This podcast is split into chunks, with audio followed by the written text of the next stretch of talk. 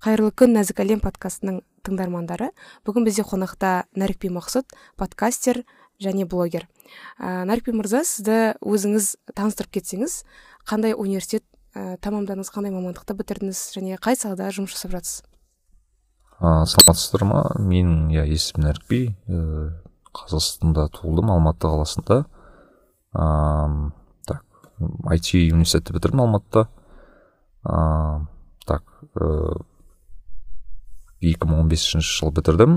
Қазіргі күні осы программист болып жұмыс істеймін. Ыыы софтвер инженер дейді ios девелопер деп айтсам болады. Ыыы сол амстердам қаласында тұрамын. Қысқаша осы ә, IT саласында екенсіз иә. И ә, бұрын негізі кеңес үкіметі кезінде бөлді ғой жұмысқа мысалға неше түрлі жұмыстарды. Мына жұмыстарды тек қана әйел адамдар істейді деген сияқты. Ал қазір ә, көп онша бөлінбейтін сияқты. Бірақ андай бір ә, әйел адам мен ер адамның андай болмысы дейді ғой екі түрлі. Мысалы нәзік келеді әйел адамдар и мейірімдірек келеді и соған сәйкес мамандық таңдаған жақсы деген де пікір бар да. И сіз қалай ойлайсыз? Мысалы қазіргі заманда мамандықты жынысқа бөлген дұрыс па? Ыыы енді дәл қазір айтатын болсақ мамандықтарды жынысқа бөлген дұрыс емес деп ойлаймын. Себебі енді басым көпшілігін әрине ешкім әйел адамға жүк тасы деп айтпайды. Иә мысалы қиын ауыр жұмысты физикалық именно тұрғыда айтып тұрған бірақ менталдық тұрғыда көбінесе біздің енді көбінесе жасайтын жұмысымыз офистік жұмыс қой қанша дегенмен. Яғни ыыы интеллектуалды жұмыс. Яғни интеллектуалды тұрғыда ешқандай физикалық айырмашылық жоқ деп есептеймін. Ыыы көбінесе енді бір этикалық моменттер болмаса таза бір интеллектуалды жұмыс бөлінбейді.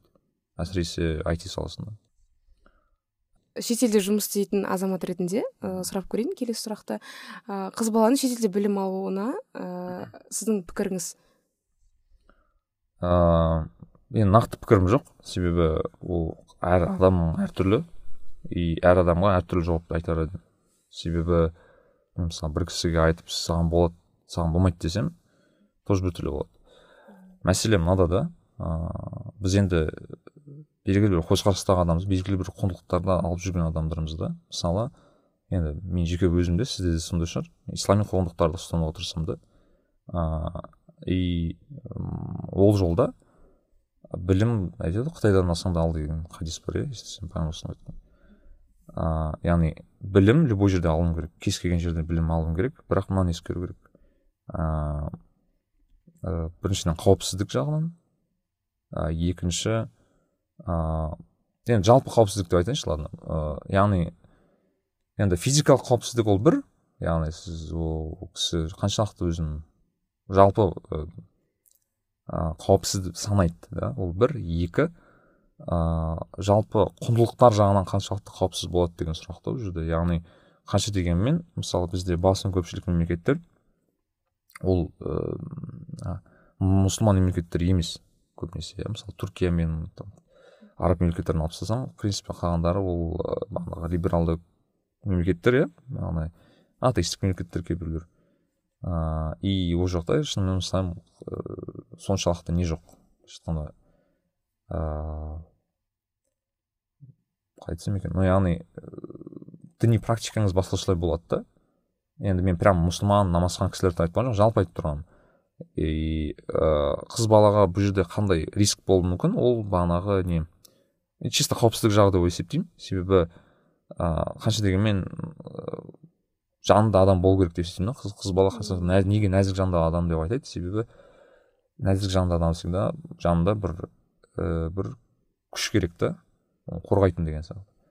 Бізде мысалы м ол мемлекеттер қанша дегенмен көбінесе бағана феминистік мемлекеттер болуы мүмкін бағанағы басқа мемлекеттер болуы мүмкін. Олар ондайға сенбейді. Енді принципе мен айта алмаймын что мысалы голландияда ол қауіпсіз қауіпсіз деп ше яғни қалай айтсам екен наоборот типа небезопасно деп айта алмаймын да яғни ол жақта в принципе қауіпсіз бәрі бәрі нормально. Бірақ все таки бұл да риск деп айтар едім да. Бірақ нақты мақсат болса яғни мен ыыы осыны істеп осыны бітіріп осындай бір немен мақсатпен бара жатырмын бір екі жаныңызда адамдар болса тағы то есть жалғыз басты кетуге болмайды деп есептеймін. Өз басым. Себебі ана қауіпсіз қауіпсіздік жағын өте ескеру керек та просто мен мысалы мынандай не келтіре аламын да статистика ыыы в общем ә, әлемдік статистика бойынша ә, зорлық бар ғой. Изнасилование дейді бағанағы осындай осындай мәселелерде ә, американдық қыздар өте жоғары екен да именно именно сол жақтарда. И өте көп бағанағы не болып тұрады. Шум көп шум дегенде көп сотқа барады сондай нелер өте көп нелер болып жатады. М вроде как американдық мемлекет вроде как күшті дамыған мемлекет бірақ әлі қоғам арасында пор бағана зорлық зомбылық бар. Өте жоғары деңгейде да. Именно университет кампусының ішінде болып жатқан жағдайлар көбінесе. И ол айтпайды что американдықтар сондай сорлы не екен деген мағынада емес. Ә, просто американдықтар оны есептейді. Олар оны санайды. Из за того что санағандықтан олар статистиканы шығара алады. Просто басқа мемлекеттер значит оны санамайды и как будто ол мемлекетте жоқ сияқты. На самом деле олай емес даже скорее всего ол жақта даже көбірек көбінесе. Ә, сондықтан да ә, осыны көп қарындастар ескермей жатады деп есептеймін. Себебі ә, қауіпсіздік ол всегда номер бір деп есептеймін. Себебі не? Қазақ қоғамда всегда әйел адамның яғни қауіпсіздігін бірінші орында қою керек сияқты менің ойымша. Бірақ әрине бағанағы осы мәселелер жабылса бағана жалғыз бармайтын болса бағана белгілі бір мақсатта жақсы бір ортаға баратын болса әрине бару керек. Бірақ лаж болса менің ойымша бір ә, сол біздің құндылықтарға жақын мемлекеттерге барған дұрыс сияқты біріншіден яғни мысалы түркия болсын басқа мемлекеттер болсын. Енді болмаған жағдайда әрине басқа да баруға болатын шығар бірақ әрине не ең болмаса қазақтардың жанында болсын да. Просто айтқым келген себебі ыыы енді әрине андай мен енді тыңдап алып мынауын нәрікпей не деп отыр короче деген айтуы мүмкін. Бірақ бұл менің жеке көзқарасым да яғни мен мен көргенімнен айтып отқаным да яғни көп та әртүрлі кейстер өте көп. Әртүрлі адам бар қаншама тағдырлар бар да мысалы бір адамдар тым бір қыздар тым не болып кетеді ыыы тәуелсіз болып кеткен қыздар көп мысалы бізде да. Мысалы ол кісілерді сен вообще ұстай алмайсың мысалы. Ыыы айтады ғой сондай қыздар бар иә. Ондай қыздар бар әрине бірақ ыыы кім кепіл да ол жерде типа бәрі нормально болады дегенге. Вот. Сол жағынан ескерсе екен деймін просто. Сұрағыңызға ә, келесі сұрақ. Сіз ә, шетелде соңғы бір жарым жыл иә амстердамда жұмыс жасадыңыз. Сол жақта мысалға жұмыс жасау мен тәжірибе жайлы айтып кетсеңіз яғни қандай артықшылығы бар? Қазақстандағы тәжірибе мен шетелдегі тәжірибенің айырмашылығы? Ә, енді нақты бір артықшылық бар деп айту қиын шығар. Себебі жұмыс барлық жерде жұмыс. Ыыы енді былай айтуға болмайды да бір басқа жерге барсаңыз құдай там машина ұшырып жүрген жоқ да мысалы ол, ол, ол да сіз сияқты адамдар ол да сіз сияқты кісілер. Ыыы жеке маған ол тәжірибе жағынан ол ірі компанияда жұмыс істеу қызық болды. Әлемдік яғни былайша айтқанда қазақстанда сіз жұмыс істесеңіз компанияның мысалы білмеймін обороты мысалы миллион болса бір миллион теңге бір миллион доллар болса мына жақта он төрт миллиард доллар болуы мүмкін да. Разница колоссальный да ол жерде. И сондай объемда жұмыс істеу сондай ірі компаниядағы нені системаны көру бір, бір басқа. Енді мен таза IT компания жайлы айта алатын шығармын себебі басқа компанияны білмеймін. Ыыы енді ол бір екі халықаралық жерге барған күшті.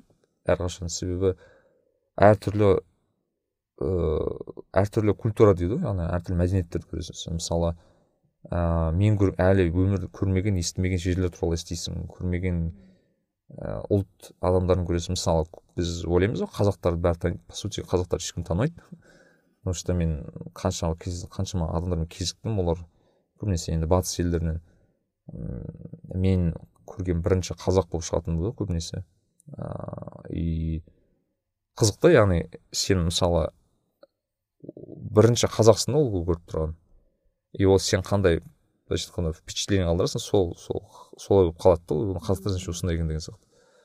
Немесе наоборот да мысалы мен білмеймін бір непал деген мемлекеттен бір адамды көріп тұрмын бірінші рет ол непалдың қандай түр, түрлері қандай болатынын білмеймін мәдениеті қандай екенін білмеймін.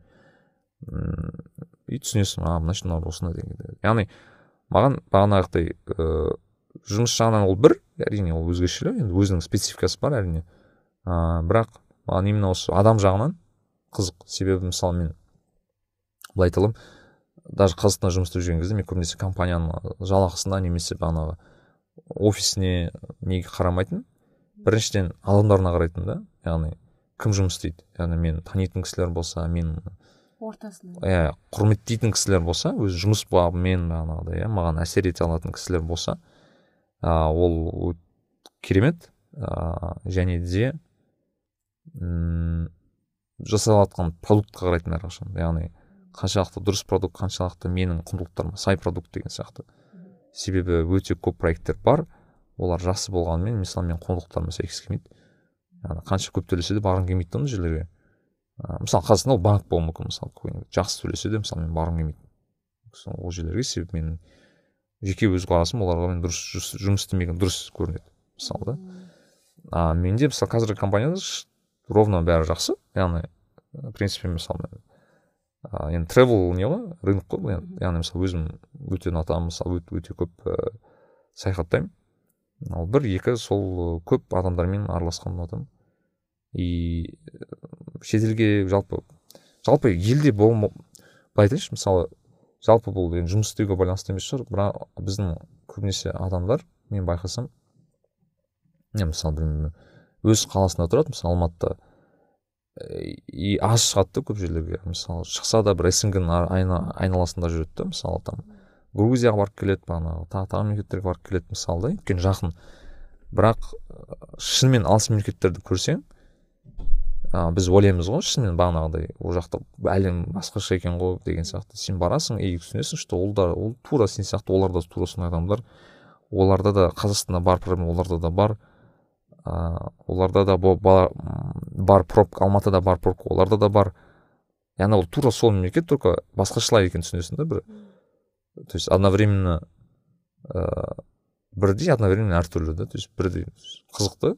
И бағанағы әріптестермен сөйлесіп отырамын мысалы мен андай зат байқадым. Ыыы мысалы үндіс ағайындар көп та айти компанияларда индиядан келген. Мен ойлайтынмын индиялықтар мындай мындай сөйтсем индиялықтар өте әртүрлі болады екен да мысалы. Бағанағы сәлде киіп жүретін сикхтар бар. Бағана ыыы мұсылмандар көп тамил деген тілде сөйлейтін мұсылмандар бар. Ыыы бағанағы өздерінің ерекшеліктері бар өте көп бір мультинационал мемлекет екен енді тілдері өте көп. Мысалы өзім соны қатты қалдым және кухнясы да ерекше бір бірінің енді сұмдық мен мысалы индияға жалпы барғым келіп кетті да себебі аналардың әңгімелерін естіп мен ойлайтынмын мә анау не деген клаш деді ғой яғни андай микс да қатты культуралар өте көп та ана жерде индияда ше яғни әрине маған именно осы зерттеуші жағынан қызық та қалай бұл сонша әртүрлі нелер бір неде тұрады деген сияқты бір мемлекетте тұрады. Вот. И осы жағынан қызық та яғни сен адамдар таңғалдырады да сен сол таңғалудан шаршамау керек сияқты да адам. Вот. Таңғалмайсың вот қазақстандағы басты проблема ғой қандай проблема? Таңғалмайды қазақстанда ешкім ештеңеге мысалы мен барасың барлық жер мысалы алматыны әбден уже арды берді көрген немесе шымкентте ары бері көрген таңқалмайды да. Мысалы сіз ең болмаса там ақтауға барып қалсаң уже кішкене таңқаласыз да. О мынандай бар екен ғой деген сияқты мынау былай жетеді екен ғой деген сияқты. Ал сіз мүлдем басқа культураға барсаңыз таңқалудан тоқтамайсыз да мә мыналарың вообще екен ғой деген сияқты. И вот сонысымен қызық та өмір яғни сен таңқала бересің таңқала бересің өмір әртүрлі да. И иә ну шынымен сен эмоция алады да кәдімгідей адам мә бұлар бұларың осындай екен ғой деген сияқты. И вот сол жағынан күшті да яғни ыыы ірі компания соны нені береді мүмкіндікті береді. И әрқашан мысалы сен білмеймін мысалы мен бір португалияқтан португалиялық бұл ә, коллегам болды. Мысалы мен өмірде португалияда болып жатқан жағдай туралы тыңдадым мысалы о мен қайдан білесің португалия не болып жатқанын? шын айтсам а тут типа өзі португал кісі түсіндіріп отыр бізде осындай экономика осындай бразилиялық бір кісілермен сөйлесесің олар бізде жағдай осындай андай андай деп. И әлемнің как сказать әлем вроде үлкен бірақ сондай кішкентай екенін түсінесің да тоже в этот момент. То есть насколько адамзат проблемасының бәрі бірдей екенін түсінесің да в этот момент. То есть ешқандай мемлекет жоқ идеальный деген. Барлық проблема бізде мысалы қоғамда бар проблема оларда да бар да. И әркім әрқалай шешеді да соны. Сонысы қызық та бұл жерде. Вот жалпы солай. Табиғат ағай да қателеспесем айтады ғой адамның даже ішіндегі проблемалар да негізі примерно ортақ бәрінде деген сияқты. Сол секілді болып тұр ғой әрбір мемлекетте бірдей мәселелер бірақ шешу жолдарын әртүрлі ұсынады әркім. Сіз жаңа айтып кеттіңіз ғой ә, қазақстандағы банк жүйесі туралы ә, бұл әне бұл сіздің енді субъективті ойыңыз ә, бірақ білсем бола ма мысалға? Ә, мен өзім жеке басым танимын ә, банкте жұмыс істейтін ә, мысалға ағай апайларды ә, мысалға құндылықтары ислам құндылықтарын ұстанады мысалы намаз оқиды деген сияқты. Ә, бірақ енді сіз, сіз айтып тұрсыз құндылыққа мысалы менің құндылығыма сай келмейді. Сонда қандай құндылыққа сай келмейді және иә қандай құндылыққа сай келмейді? Енді ыыы былай жауап берейінші мысалы мен компанияның кез келген бір продукттың қандай құндылық беретініне қараймын да именно құндылық қандай береді мысалы ыыы тот же букинг ол қандай құндылық береді? Ол сізге әлемді зерттеуге құндылықты береді күшті құндылық та яғни сені қандай мемлекеттің точкасына барма саған сол мемлекеттен бір культурасын мәдениетін білуге мүмкіндік береді да сол керемет та мысалы и местный бизнесқа дамуына көмектеседі. Бәрі выигрыше да былайша айтқанда бұл жерде.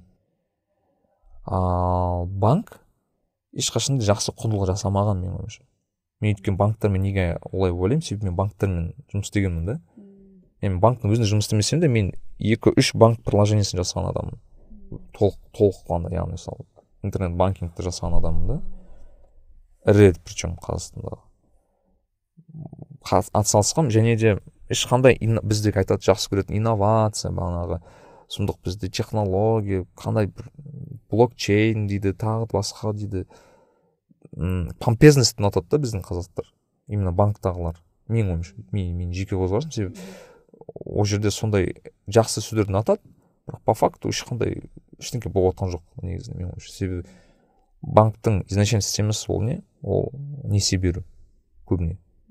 Әрине мысалы қазір каспи банк ондай емес олар бағанағы техника сатады тағы тағы басқа деген сияқты бар. Мен келісемін. Бірақ ондай кейс бізде жалғыз ғана да каспидің өзі ғана да бізде. Бізде мысалы басқа банкта ондай мүмкіндігі жоқ. Және де ыыы каспи банктың өзінің бір жеке ашып қарасақ ол да таза емес та негізі. Схемасының бәрі таза деп айта алмаймын да. И то мысалы мен білемін ыыы каспи банкта мысалы қандай проблема бар? Мысалы сіз каспиден бір нәрсе сатып алғыңыз мысалы айфон сатып алғыңыз келеді мысалы кіресіз каспи айфон он үш деп жазасыз да мысалы қазір көп нелер шығады. Магазинде да магазин көп шығады. Ә, енді вопрос сол магазиндерді қалай сортировать етеді ыыы каспи? Сұрақ. Каспи баға бойынша сортировать етеді. Ол выгодно клиентке да дұрыс па? Яғни ол клиентке әрине выгодно то есть азан азан телефон алу деген. Бірақ ол сатушы адамға не выгодно? Ол то есть чтобы конкурировать каспида сен должен ең минимальный баға керексің значит маржаңнан жеуің керексің өзің былайша айтқанда өзіңнің табысыңды азайтуың керексің. Вот. А ол табысты азайтуға тек ірі компаниялар ғана бара алады. Мысалы технодом сулпак ақшасы көп компаниялар демпинг дейді оны бізде. Демпинговать ете алады да бағаларды. Неге? Өйткені рейтингін көтереді да каспиде сөйтіп алып. Тоже техника да оны қалай істейді то есть ақшаң көп кэшің көп болса сен демпинг жасай бересің сенен бәрі ала бастайды потому что арзан соответственно сенде не кэш флоу ну типа осындай не пайда болады каспиде сенде рейтингің пайда болады деген сияқты да. Соответственно мен мен обычный частник болсам мен ондай маржа көп бере алмаймын и мен каспида вообще ештеңке делать нечего мне былайша айтқанда каспи сондай бар да мәселе даже каспидің оның өзі вроде как таза халал зат и то да типа рассрочка бар. Оның өзі по не совсем менің ойымша справедливо да именно осы әділ әділ деп есептемеймін да? Вот и сондай мәселе да яғни біз банк бұл жерде мәселе банкқа жолама деген сөз емес просто мен мен менде просто выбор бар да? Таңдау бар. Мен банкқа бара аламын банкқа бара алмаймын. Мен бармауды таңдаймын да? Әрине бір кісілер бар. Енді мен білемін ондай кісілерді мысалы тоже намазхан кісілер бірақ оларда көбіне выбор болмайды да көбінесе басқа. Өйткені ол тым сол неге қатты кетіп қалған да мысалы ыыы я не знаю мысалы бізде андай аналитика рисков деген мысалы бар да профессия. Ол көбінесе мысалы невозвратный кредиттарды есептейтін кісілер да мысалы кредит бере аларында сен айтуың керексің мынау кісі бере алады бере алмайды деген сияқты. Ол өте қиын жұмыс негізі. Себебі тек қана банктер да өйткені ол кісілер тек банкқа ғана жұмыс істей алады да. Микро микрокредитный организацияларға ғана жұмыс істей алады. И технология астында өте көп моделирование бар өте көп бағанағы учет ететін заттар өте көп. Бірақ ол кісілердің баратын жері жоқ та басқа. Одан басқа. Бірақ ол кісі ну это тоже сылтау деп есептеймін. Себебі всегда можно переобучиться по идее. Ну жалпы осылай. Короче просто мен өзім жеке көзқарасымды айтып тұрмын оны шығып кетіп деген сөз емес. Тағы бір сұрақ туындады да. Ә, сіз айтып жатсыз ғой шетелдегі жаңағы тәжірибе басқаша себебі жиі тамсанасыз ә, көкжиек таным көкжиегі кеңейеді бір сөз айтқанда чем мысалы қазақстанда жұмыс істеуге қарағанда және сіз ә, компанияның мысалға құндылығына қарайсыз не береді? Сізге әлемге не бере алады жалпы? Не, то что өзіңізге да мысалы әлемге не бере алады. И қандай құндылық өзімен бірге алып жүреді мысалы компанияда күшті да барлығы ә, и мындай сұрақта мысалы мен өзім патриоттық деген патриот деген сөзді ә, былай елге қызмет ету деген мағынада түсінемін. Мысалы әлихан бөкейханов айтқан ғой. Ә, елге қызмет ету ұлтқа қызмет ету білімнен емес мінезден деген сияқты. Ә, сол жақ қалай қарайсыз мысалға сіз ә, басқа адамдарда сондай бір пікір сұрақ болған шығар да мысалға. Неге мысалға шетелде жұмыс істейсіз неге қазақстанда емес деген сияқты. Сондай сұрақ болса қалай жауап берер едіңіз? Во первых тот же біз қазір айтып жатқан әлихан бөкейханов болсын мұхтар әуезовтер болсын олар тек қазақстанда болмаған. Тот же мысалы әуезов а, японияда болған кісі. Жапонияға барып келген кісі да ойлашы? Типа жүз жыл бұрын адам жапонияда болған. Енді қазіргідей сіз самолетқа отырып бару емес ол кәдімгідей бірнеше ай кетеді да самолетқа бару үшін. Яғни ыыы яғни мынандай мәселе. Біздің былайша айтқанда өтірік патриотизм бар да бізде. Мен мен шынымен солай айтамын себебі патриотизм сөзбен ғана болады да бізде көбіне. Қазақ қазақша сөйлеу керек қазақ қазақ дінсіз болу керек анау керек мынау керек короче. Мәселе сөзде емес істе да. Мен көбінесе националистік ұлттық неден движение ешқайсысын ұнатпаймын жеке өзім. Неге? Өйткені мен көрген кездің бәрінде ұлттық көбінесе партиялар ұлттық былайша айтқанда движениялар деструктивті көбінесе характер несли короче деструктив деген қалай? Яғни даму жоқ та яғни тек адамдарды оталдыру да былайша айтқанда бәрінсіңдер мықтысыңдар сөйтсіңдер әрине адамның рухын көтеру керек. Бірақ кез келген заттың астында даму жату керек та. Ол бір патриотизм дегенде де мен басқаша түсінемін патриотизм ол көбінесе қазір уже ел туралы да әрине қазақ елде бар бірақ мысалы менің қаншама ұйғыр достарым бар қаншама орыс достарым бар қаншама тоңған достарым бар. Олар кім сонда деген сұрақ қой бұл жерде. Яғни бізде қазір бар қазақ қазақша сөйлесін әрине иә ол дұрыс. Бірақ ыыы басқа олардың адамдар біз не істейміз сонда? Олар олар не істейді сонда? Олар кім болды деген сияқты. Оларда да көк паспорт бар по идее. И вот дилемма да короче типа а как что с ними делать деген сияқты. Ол бір екі құр сөз көп. Мен ол қатты ұнатпаймын мысалы мен сөйлескен кезде бір адамдар болады. Даже мен просто честно мысалы мен қазір инстаграмды ашсаң каждый второй бір қырғын бір істі бітіріп жүрген адам короче. Ананда істейді мынанда істейді стористарын қарайсың. Керемет кісі енді. Не істеп жүрсің десем өзі білмейді не істеп жүргенін мысалы да. Қалай сонда бір ну блогерлар бар мысалы бізде көп. Вот честно мен мен мен мен мынаны түсінбеймін мысалы блогерлар қандай құндылықты алып жүр бізде? Көп көп блогерлар. Себебі мысалы енді блогер ол неге блогер? Потому что он что то несет да? Вот что он несет я не знаю короче көбінесе. Мысалы өркен аға бар мысалы это яркий пример да мысалы? Он несет какой то ол көбінесе мен есептеймін ағартушылық бір нені несет көбінесе. Данияр жігітбек ол ол тоже кішкене ағартушылық кітап жазу кітап оқу сондай нәрсе несет но таких мало короче. Вот. Егер мен подкаст жасаймын честно менде мысалы список болған о баста бастаған кезде кіммен жасаған келеді то есть құндылық жасап жүрген кімді кісілермен бәрін жасау керек. И вот жақында қарадым тоқсан процент адамнан алып қойыппын уже короче. Мен білетін. Бір жылдың ішінде да жасап қойғам. Бір жылдың ішінде мен бүкіл құндылық жасап жүрген почти бәрін алып қойғанмын да. И мен таңқалдым бізде насколько аз екен олар. Өйткені көбінесе мысалы айтады мына кісіден аңызшы дейді да. Мен қараймын ол кісі не істеп жүргенін мен білмеймін. Мен мен просто инстаграм ашады әдемі сурет әдемі не пост әйтеуір сөз да түсінесіз қандай проблема? Бізде сөз көп. Вот сол мені кішкене не істейді. Мен өзімнен қысыламын себебі мысалы подкаст деген тоже сөз бос әңгіме по идее. Отырасың деген сияқты да. Бірақ мен қалай өзімді не жұбатамын себебі мен айтамын бұл бос әңгіме емес бір жағынан. Себебі одан тәжірибесін бөлісіп отыр. Ол тәжірибені сен кітаптан аласың. То есть по сути егер олай ойлайтын болса кітапта бос әңгіме негізінде. Ыыы олай емес қой бірақ. Ағартушылыққа келеді да вот сондықтан құндылық өте важно да. То есть менің құндылығым бір басқа ол кісілердің құндылығы бір басқа. Ыыы және де маған ыыы құндылығыма сай келетін кісілермен сөйлесуге ұнатамын да. Мм хотя бы бір частично болсын да мысалы. Әрине толыққанды даже даже данияр екеуміз толыққанды мысалы не қанша жан дос болсақ та бір біріміздің кейбір жерде сәйкес келмейтін ойларымыз мысалы да. Мысалы біз подкаст жасадық өркен аға данияр үшеуміз жасадық. Үшеуміз бір мәселеде үш түрлі көзқарасымыз бар да мысалы. Хотя өмірде бір өте бір бірімізді не істейміз иә жақсы көреміз деген сияқты. Ыыы яғни мен айтқым келгені патриотизм астында егер іс жатса, іс жатса ол күшті. Егер патриотизмнің астында сөз жатса ол жаман. Яғни бос сөз да бағанағы сен жасап отқан жоқсың. Патриот дейсің да бірақ түк істемейсің аздан кейін жазасың мысалы. Патриотизм дейсің да инстаграм посттарына комментарийға там қазақстан флагын жібересің. А молодцы жігіттер жарайсыңдар деген комментарий қалдырасың деген сияқты. Ол да дұрыс емес.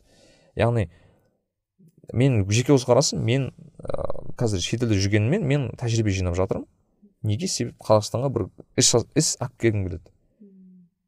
Мысалы мен мысалы қуанатыным мысалы қазір адамдар гэллоп тестін тапсыра бастады байқайсыздар неге тапсыра бастады? Бірден бір себеп біз данияр аға екеуміз дәмдай аға екеуміз вот соны начали форсить адамдардың арасында чтобы они это делали короче.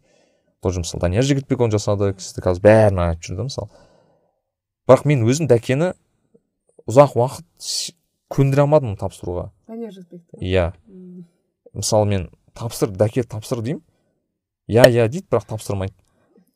Сөйтіп жүрген кезде дандай ағаның подкастын тыңдайды да артынан барып тапсырады. И ол уже қазір басқа адам да уже а все оказывается былай екен ғой деп ше. А мен жеткізе алмай кеттім да оған шаршадым. И маған кеше қызық болды маған ыыы қырғызстаннан бір қыз жазды да. Шок болып жазып отырмын. Бір үш бет сообщение жазыпты маған. Мен әрең оқып бітірдім.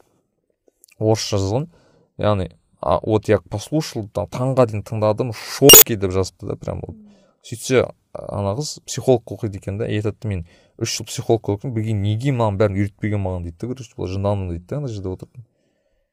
Оказывается мен вообще түк білмейді екенмін ғой деген сияқты.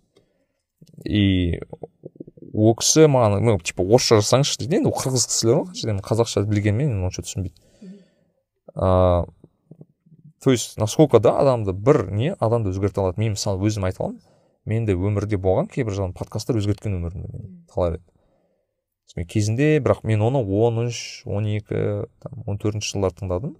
Буквально сегіз тоғыз жыл бұрын тыңдай бастадым да. Енді қазір ғой мейнстрим болып жатыр да подкаст бәрінің подкасты бар. Мен мысалы ағылшынша подкаст көп тыңдадым да сол кездері. Маған сұрайды подкаст ой қайдан келді? Блин қайдан келген да типа мен всю жизнь их слушал по идее. Просто я не знал как их делать по идее. И мен не, не туралы жасайтынымды білмейтінмін бірақ жасағым келетін әрқашан. И мен ойым что патриотизм для меня короче я бір адамның ойын өзгертіп жатырмын деп ой ой бір адамның шаблондарын бұзып жатырмын деген ой да менде. Жақсы жаққа. Да то есть я что то делаю короче мен іс жасап жатырмын по идее. Мысалы данияр кітап жазса ол да бір іс та. Немесе там өркен аға бір сторис түсірсе там бір шетел туралы да оны да бір көкжиегін өзгертеді да адам. А бұлар осындай екен ғой деген сияқты. Енді әркім несет какую то миссию әркім что то пытается делать но если за этим патриотизм пустота былайша айтқанда значит это өтірік патриотизм. Бізде к сожалению именно өкінішке орай именно сондай патриотизм көп та бізде. Вот. Так что солай мен соны кішкене бір фильтровать ету керек ә, енді келесі сұраққа көше берсек болады. Сіз жаңа айти саласының ә, маманысыз ғой. ә, егер бұл саланы мүлде таңдамағанда бірақ сіз негізі постыңызды оқыдым сіз тоғызыншы сыныпта ә, мен осы мамандықты өзіме таңдап қойғанмын себебі информатикадан олимпиадчик едім деп айтқансыз да. Егер бұл да болмағанда қандай мамандық таңдар едіңіз? Честно білмеймін. Мен прям қатты ойланбадым. Ыыы бірақ ыыы мен мына мәселені қозғағым келеді да. Қазір ыыы вот мамандық таңдау мамандық деген мәселе қашан пайда болды? ол совет үкіметінің кезінде пайда болған. Көбінесе енді алпысыншы жетпісінші одан бұрын пайда болған заттар ғой енді. Яғни неге олай пайда болған? себебі сен бір мамандық болса сен өлтіріліп сол мамандықта жұмыс істеу керексің иә. Менің ойымша онда қазір заманнан өттік біз уже давно. Неге? себебі мамандықтың өзі актуальность дейді ғой. Актуалдығын өзектілігін жоғалта бастайды бір уақыт өте келе. Даже мен мысалы программистика оқығанмен мен күніге бір нәрсе үйренемін. Күніге бір нәрсе тренинг өтуім керек. Жыл сайын мен тренинг өтемін. Жыл сайын мен кітап оқимын. Вроде мен опытым бар қанша тоғыз жыл шамалап қалды да бірақ мен пор сондаймын менің жиырма жылдық коллегалар жиырма жылдық тәжірибесі бар коллегаларым бар америка силикон долина эпплда жұмыс істеген кісілер бар. Олар да сондай олар да отырады ютубта бір роликтер қарап а мынау осылай екен ғой. То есть қазіргі заман ол мамандықтың заманы емес деп ойлаймын да. Кәсіптің заманы емес ол дағды дейді ғой навыктардың заманы да короче көбінесе яғни менің ойымша адамдарға навыкты үйрету керек. Мысалы ыыы подкаст жазу мысалы сіз ол дағды.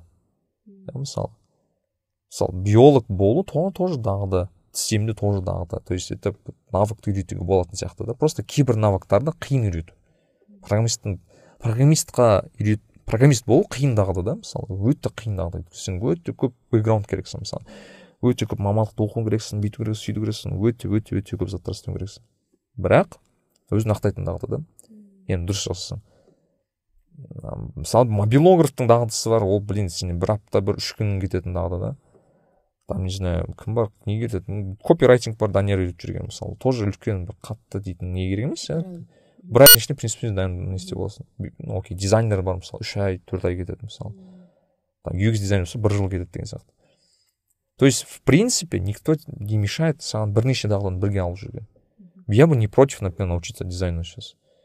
Либо там видео монтажды үйреніп алғым келеді тоже по сути не навык. Подкаст бастаған кезде вообще аудио эдитинг деген вообще білмегенмін не екенін. Мысалы қалай ол не істеді бір апта оттым ютубта болды үйреніп алдым по идее. И спортпен тоже самое то есть мысалы сен сейчас не обязательно быть спортсменом чтобы заниматься спортом правильно? Кез келген спортпен жүгіру болсын не болсын бәрін ақтар то есть қазір заман мынандай болып тұр да. Ыыы адамзат қанша жыл да миллиард жыл бойы бар ғой енді. Біз нақты білмейміз қанша жыл адамзат өмір сүріп жатқанын ше бірақ ешқашан қазіргідей заман болмаған да чтобы информация настолько доступна болды вот честно да вот білмеймін кезінде мысалы сіз бір хадисті алу үшін пайғамбар адамдар қанша жеріне барып ол кісінің несін жазып қайтып бір екі жыл не істеп деген сияқты. Ондай емес қой қазір отырдың аштың екі секунд. Сондай заман келіп жатыр да. И осы заманда жаловаться на то что я не знаю что мне делать ну это стыдно. Камон деймін да короче. Аш бәрі дайын все дешево стоит. Мысалы қазір жалғастыратын адамдар ғой вот қазір марафончиктер курс көбейіп кетті бәрі шетінен курс жазады жақсы емес пе деймін да? Ну блин ну типа егер адам бөлісе алса егер ол құндылық барса значит есть спрос на это. Егер адамдар мысалы көбінесе мынандай адамдар бар да мотивациялық кітаптар көбейіп кетті деген сұрақ. Жалғыз етеді да? Мен айтамын значит мотивация жетпей жүрген адамдар көп значит тоже. То есть спрос рождает предложение егер спрос болса значит предложение болады. Просто сен оның несі емессің дәл клиенті емессің. Мысалы сіз мысалы таргетке шығатын кейбір реклама ой не бәле деп өткізіп жібересің. Бірақ ол сіз солай ойлайсыз. Басқа адамға ол тиеді да. Сол сияқты да яғни әр адамға әртүрлі дағды керек. И просто менің ойымша қазір просто біз солай дамитын боламыз. Келесі ұрпақ келесі ә, не ыыы дәуірде біз солай үйренетін сияқтымыз уже. Біздің нақты мамандық емес нақты дағдыға үйренеміз. Иә мысалы бізде былай да көбінесе қазақстан университеттері қандай мағынада үйретеді? Бізде былай үйретеді. Программистке түстің сенде уже дайын программа да. То есть мысалы сен мынандай мынандай курсты алуың керексің мынандай курсты алуың керексің деген сияқты.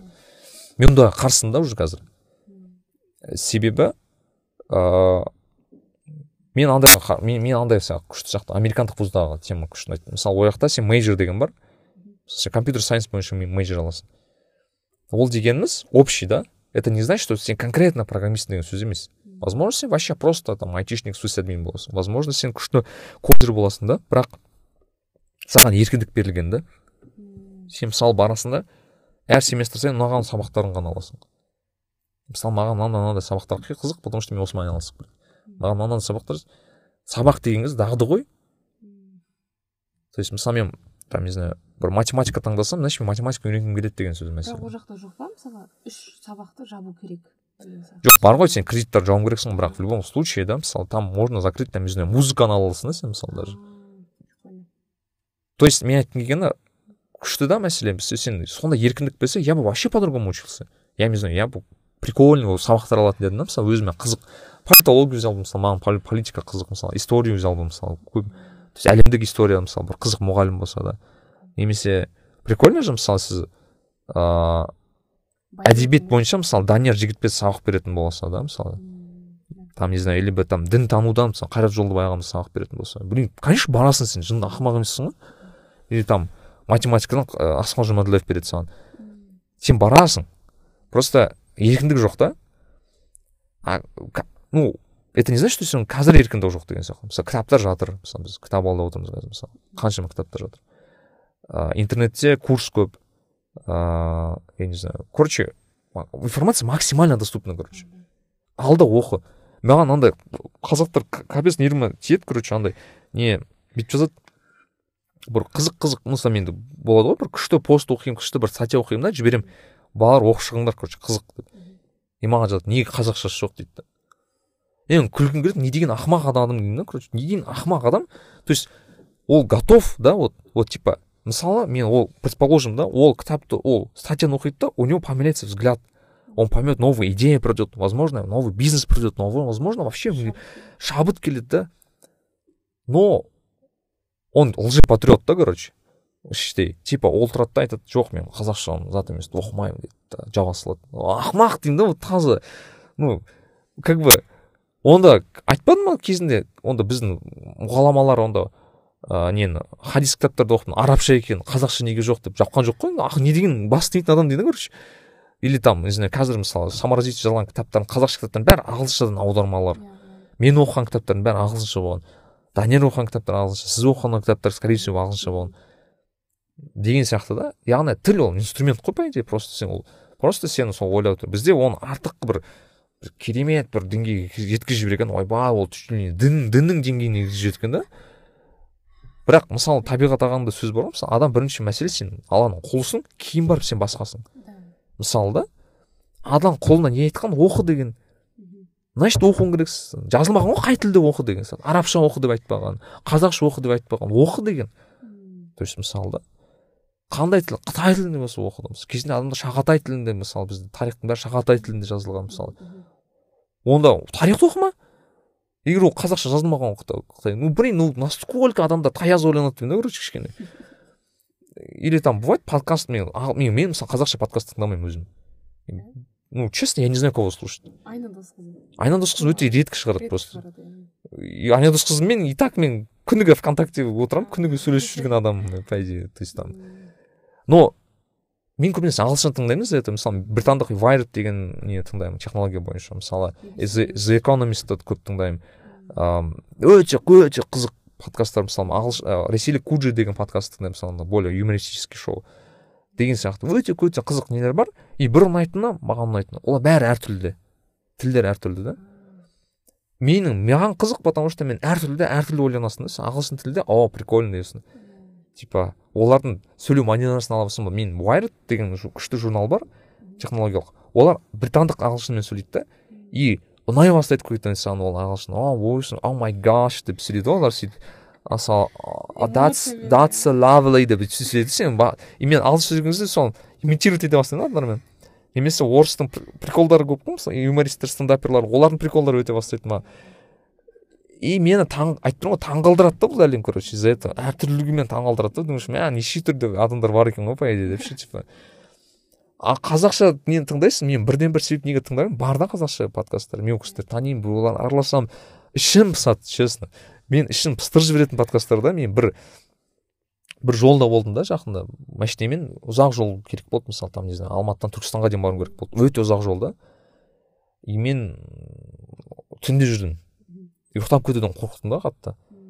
И мен ойладым мен не тыңдасам болады дедім да. Бір ыыы қазақша атын айтпағанмын короче бір қазақ тілді подкастер кісінің подкастына қостым да.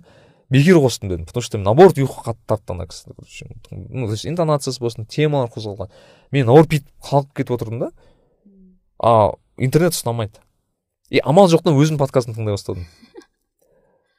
Не за то что маған подкаст просто мен менің даже разговорым өзіме қызық да ананың жанында. То есть айтқым келгені бізде қазақ тілі қазақ тілі дейді да бірақ артында не жоқ бір қызық дүние жоқ тың идея жоқ та бір прикольный дейтін. Контент вот сапа сапа жоқ та ана жерде и мысалы сен бір керемет құндылықты бере алсаң даже блин қырғызстаннан адам тыңдап отыр да мен мысалы сол кеше таңқалдырды да то есть адам қырық қатты білмеуі мүмкін. Вообще білмеуі мүмкін қазақ. Ол бірақ именно бүкіл бүкіл там не знаю қаншама эпизод қазақша ол именно орысша эпизодын тауып алған да мен таңқалдырғаны сол да.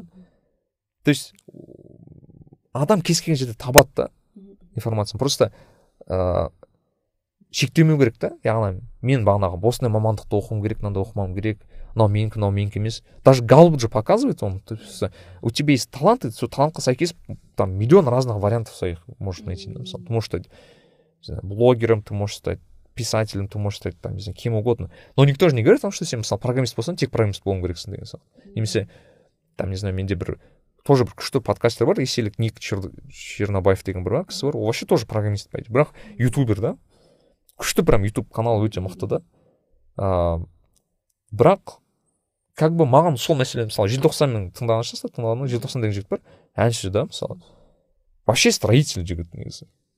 Ыыы или там мысалы еңлік деген қыз бар қазір өлең айтып жүрген.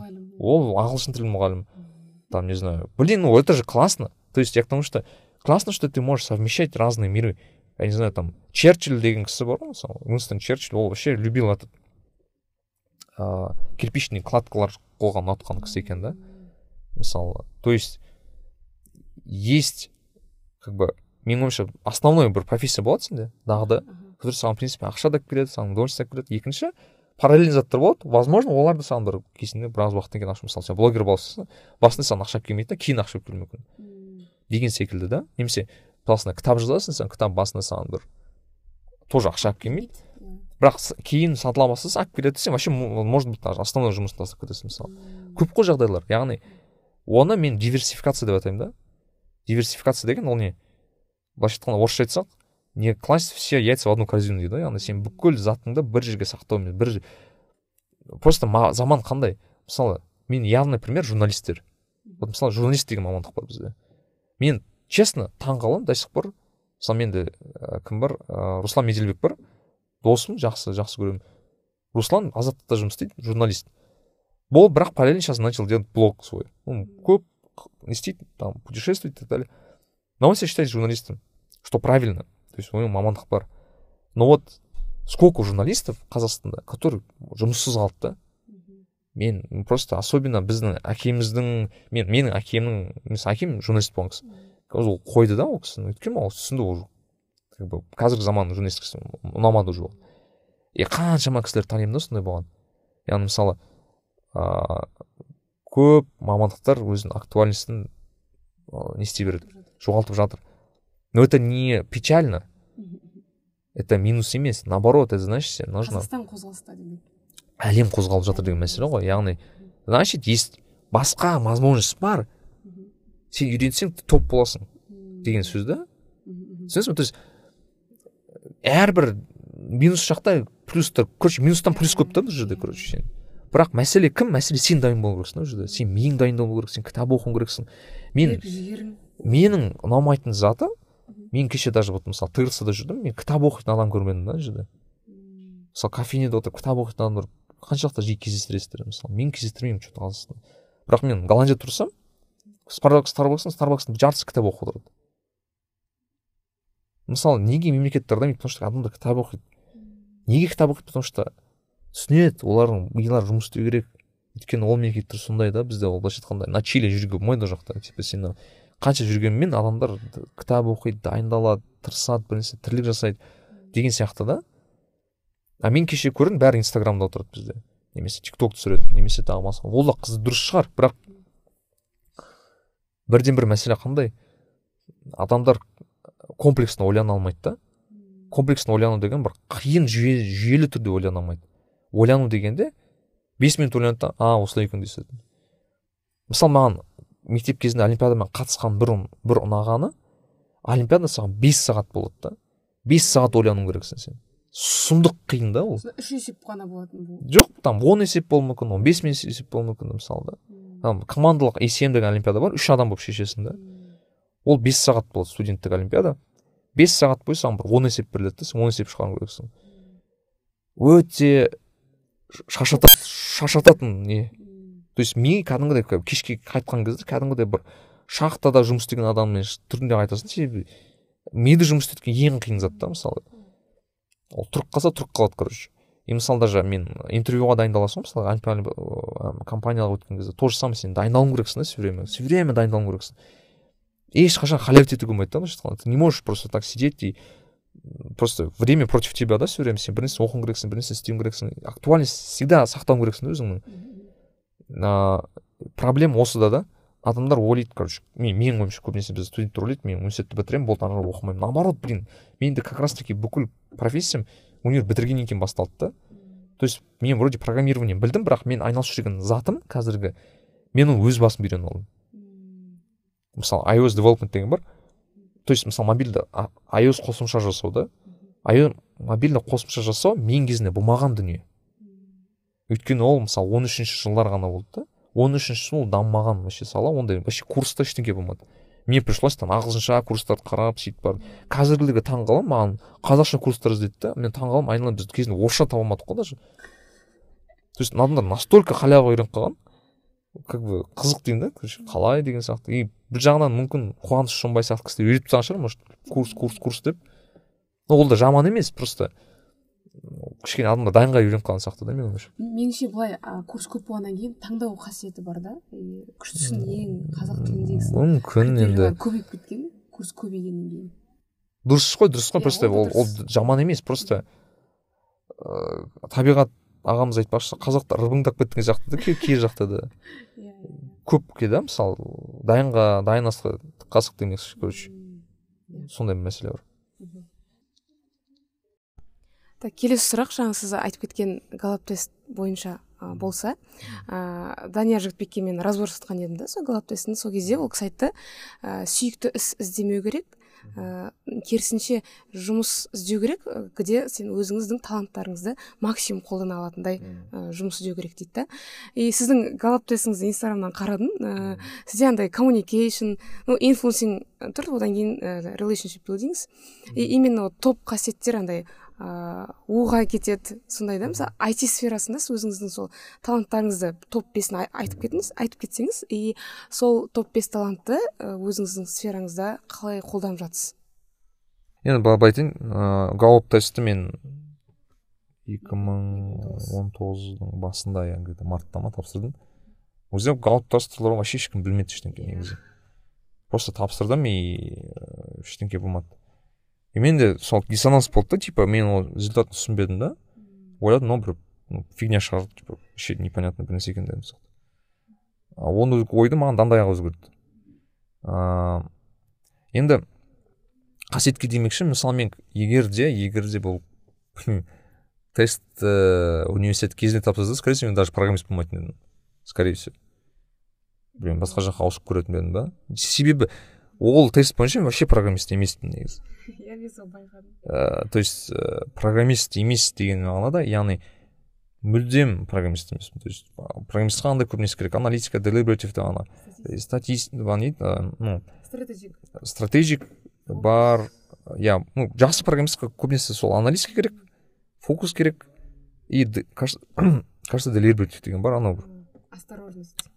Делибератив пе или короче ана бір детальда араласу сондай бір қасиет бар еді ұмытып қалдым сондай бар да бір екі сондай қасиет бар ол сондай адамдар жақсы ә, не болады ә, именно инженер болады да то есть айтишник дегенде айтишник деген ол өте кең ұғым ғой просто енді мәселе мынандай емес та сен оның галлупқа сәйкес келгенсің сен программист боласың болмайсың деген сөз емес мен оған доказательство менің өзім болып тұрмын да оған мәселе басқада мәселе ыыы просто мен менде даниярдың сөз былайша айтқанда данияр енді қазір айтып жүр ғой мысалы.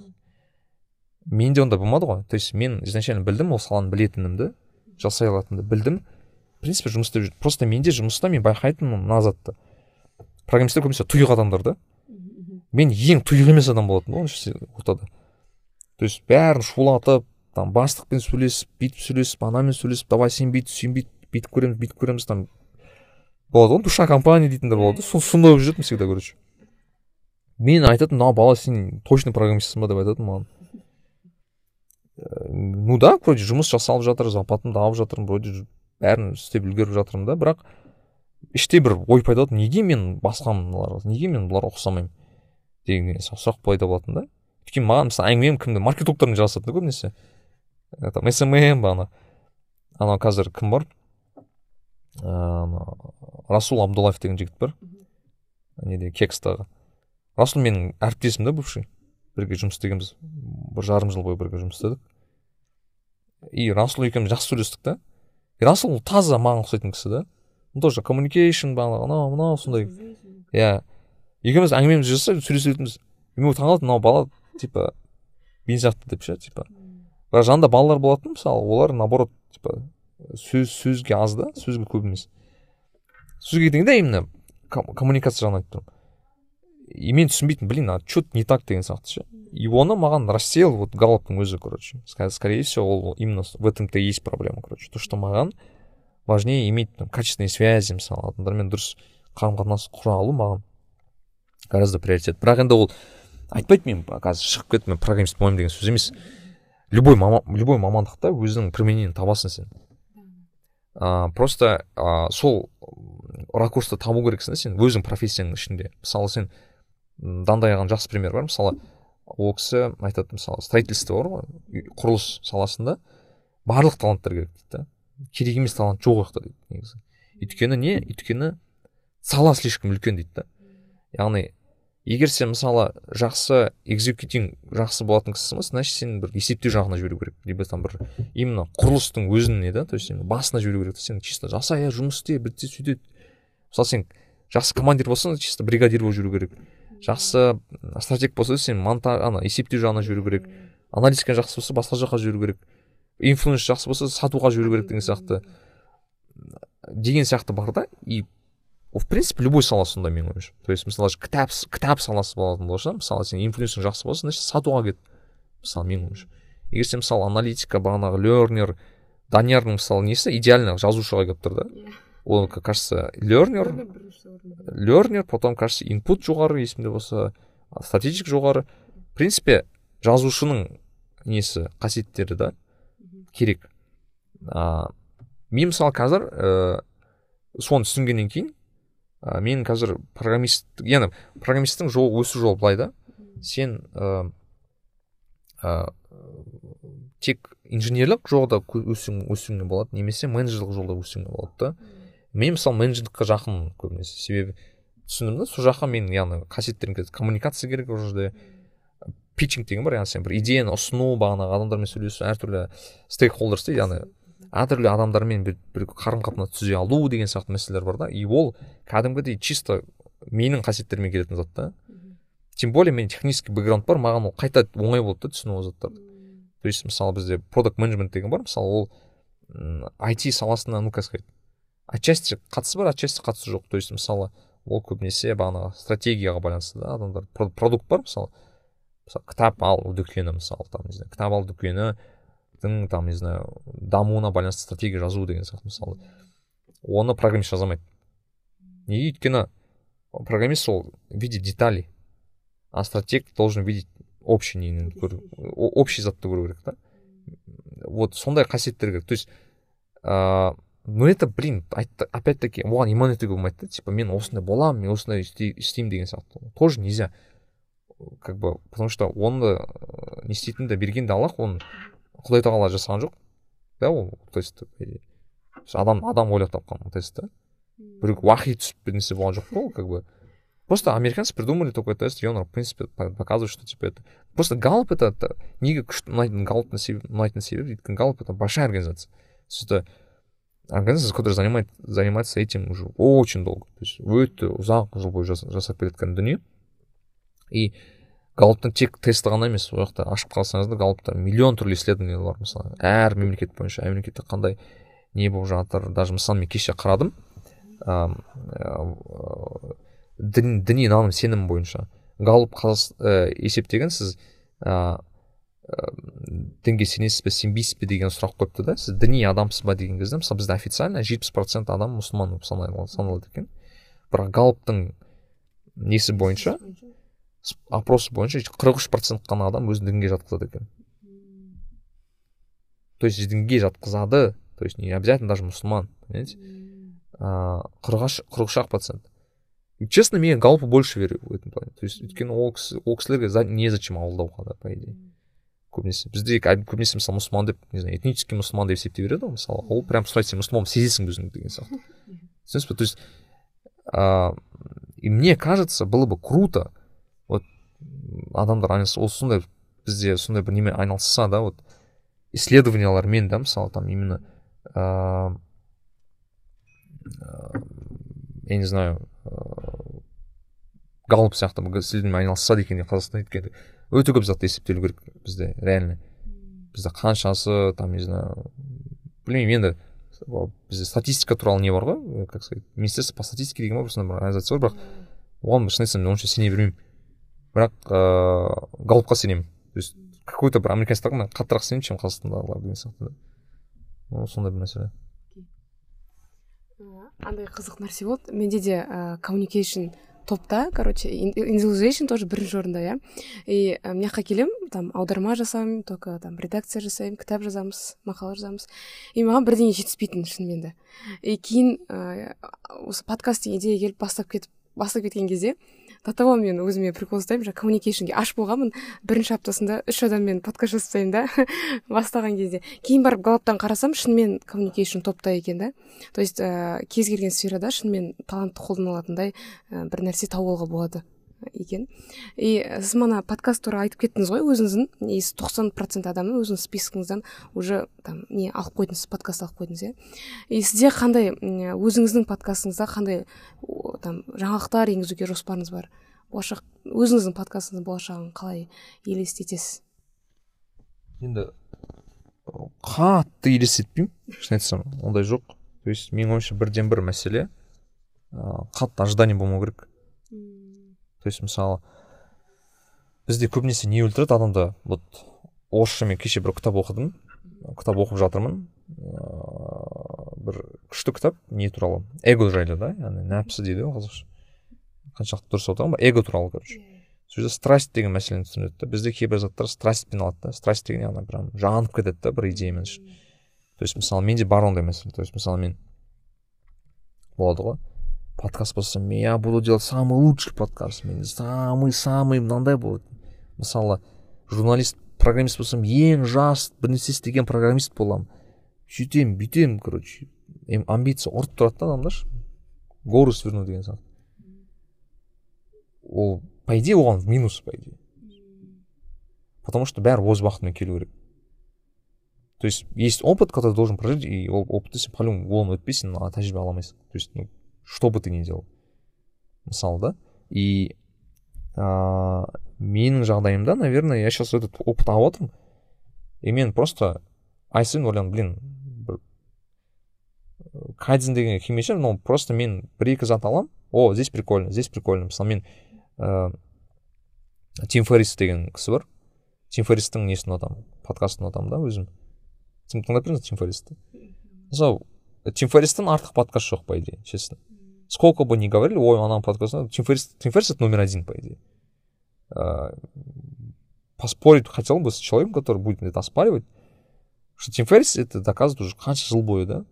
Чтобы вы понимали, Тим Феррис делает там подкаст, мысалы, нон, харари деген сияқты кісілермен, который сапиенс жазған кісілермен, шварценеггермен жасаған, обамамен жасаған. То есть, и причем андай, бір жағынан маған ұқсайды да у него тоже часовые подкасты то есть үш сағаттық подкасттар бар да очень длинный короче а, и маған ұнайды то есть про осознанность про спорт про это бір ол бір екі он сам как человек мне очень сильно нравится то есть ол кітап жазады спортпен айналысады такой очень спортивный и как в принципе как человек нравится мне то есть я не знаю как верит в бога он не верит в бога но именно лайфстайл который жасап жүр ол кісі маған қатты импонирует өзіме и ә, ә, бөлісіп жатқан заты шынымен пайдалы. Шынымен пайдалы себебі мен кейбір тіпті сұрақтарды тим ферристен ұрлағанмын прям один в один ұрлаған кездерім болды. До сих пор ұрлап жүрмін. Потому что я понимаю что это четкий вопрос. Тыңдайсың да думаешь вау! Типа это прям круто. Это прям то что надо спросить. Біздегі проблема в чем көбінесе адамдар ізденбейді да. Қанша сіз өзіңіз мысалы қанша подкаст тыңдадыңыз әртүрлі? Бастасы бұрын бұрын мен подкаст жазбас бұрын yeah. тыңдайтынмын орыс неден шамиль алятинов сосын ыыы ағылшыннан андай муслим ыыы подкасттарда қыздарға арналған. Мен обычно сол ағылшын тілінен сол қыздарға арналған ғана тыңдайды екенмін да почему то орыс тілінен былай общий. Жоқ мысалы мен сізге совет беремін да мысалы сіз вот рамки уберите послушайте всех короче. Просто бізде қандай бізде сепарирование бар да яғни мысалы мен тек мыналарды тыңдаймын мен тек мыналарды тыңдаймын. Да, там очень много интересного по идее. Там просто настолько много интересного. Ә, мысалы мен айтып тұрмын ғой мен тыңдайтын подкасттар адам баласы тыңдамайтын шығар короче қазір. Да мысалы мен неше түрлі нелерді тыңдайсың и бывает прикольно там знаешь өмірде естімеген идеяларды тыңдайсың вау деп прикольно вот мына мен туралы вообще нигде бы не узнал про это и бір жақсысы аудио именно подкастов в том что они почти без рекламы никак, почти реклама ешқашан болмайды и адамдарда из-за того что ә, видео жоқ адамдарда нәпсі жоқ та көбінесе. Нечем понтоваться просто ви видеода проблема бар да. Ты как выгляжу қалай көрініп тұрмын мен түрім жақсы ма жаман ба там дұрыс рубашка отырмын ба отпаймын ба? Я блин подкаст писал в пижаме иногда короче честно. Там не знаю вот там мы писали помню даже в студии даже писали мы вот так бүйтіп аяқты жайғастырып отқан кездер болды жатып жазған кездеріміз болды. Бүйтіп бір бірімізге қарап ше типа удобно болу үшін адамдарға. Максимально удобно жасайсың да адамдарға чтобы он расслабился короче чтобы атмосфера была что вот шай ішіп отқан сияқты ше вот болады ғой сондай. И ондай форматта беру қиын да но это классно. И есть такие подкасты. Мысалы есть тот же Wired который маған ұнайды олар апта сайын шығады. То есть апта сайын күтемін что происходит. То есть в мире там не знаю технологий там происходит апта сайын миллион разных вещей происходит я не успеваю за ним читать. Но Wired тыңдаймын я все беру. Мысалы не знаю цукерберг там не шығарды да короче и что за этим стоит? Я не буду читать блин эти все статьи их много. Я просто послушаю и то утром да типа выйду там не знаю жүгір жүгір прогулкаға шығамын тыңдаймын и я только уже уже понял максимум керек заттарды ғана да? Им почему они это почему именно изданияларды ұнайды еще мынандай проблема бар подкасттың есть студии подкастов ресейде дамыған мәселе то есть есть студия которые тек подкастпен айналысады у них прям есть свои студии проекторы проекторы бар да ішінде прям. И это классно.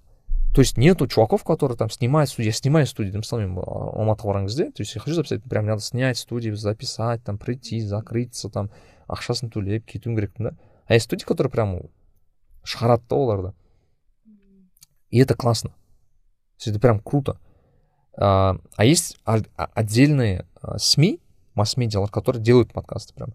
Вот, например, есть Wired, есть Economist, есть uh, New York Times, uh, ресейлік медуза uh, кім бар тағы өте көп подкасттар бар дождь мысалы күшті подкасттар жасайды ресейлік дождь деген канал бар мен соларды рекомендация беремін потому что өте өте м сапалы жасайды. Өте сапалы жасайды мысалы маған ыыы былай айтамын да егер мысалы технология бойынша это wired.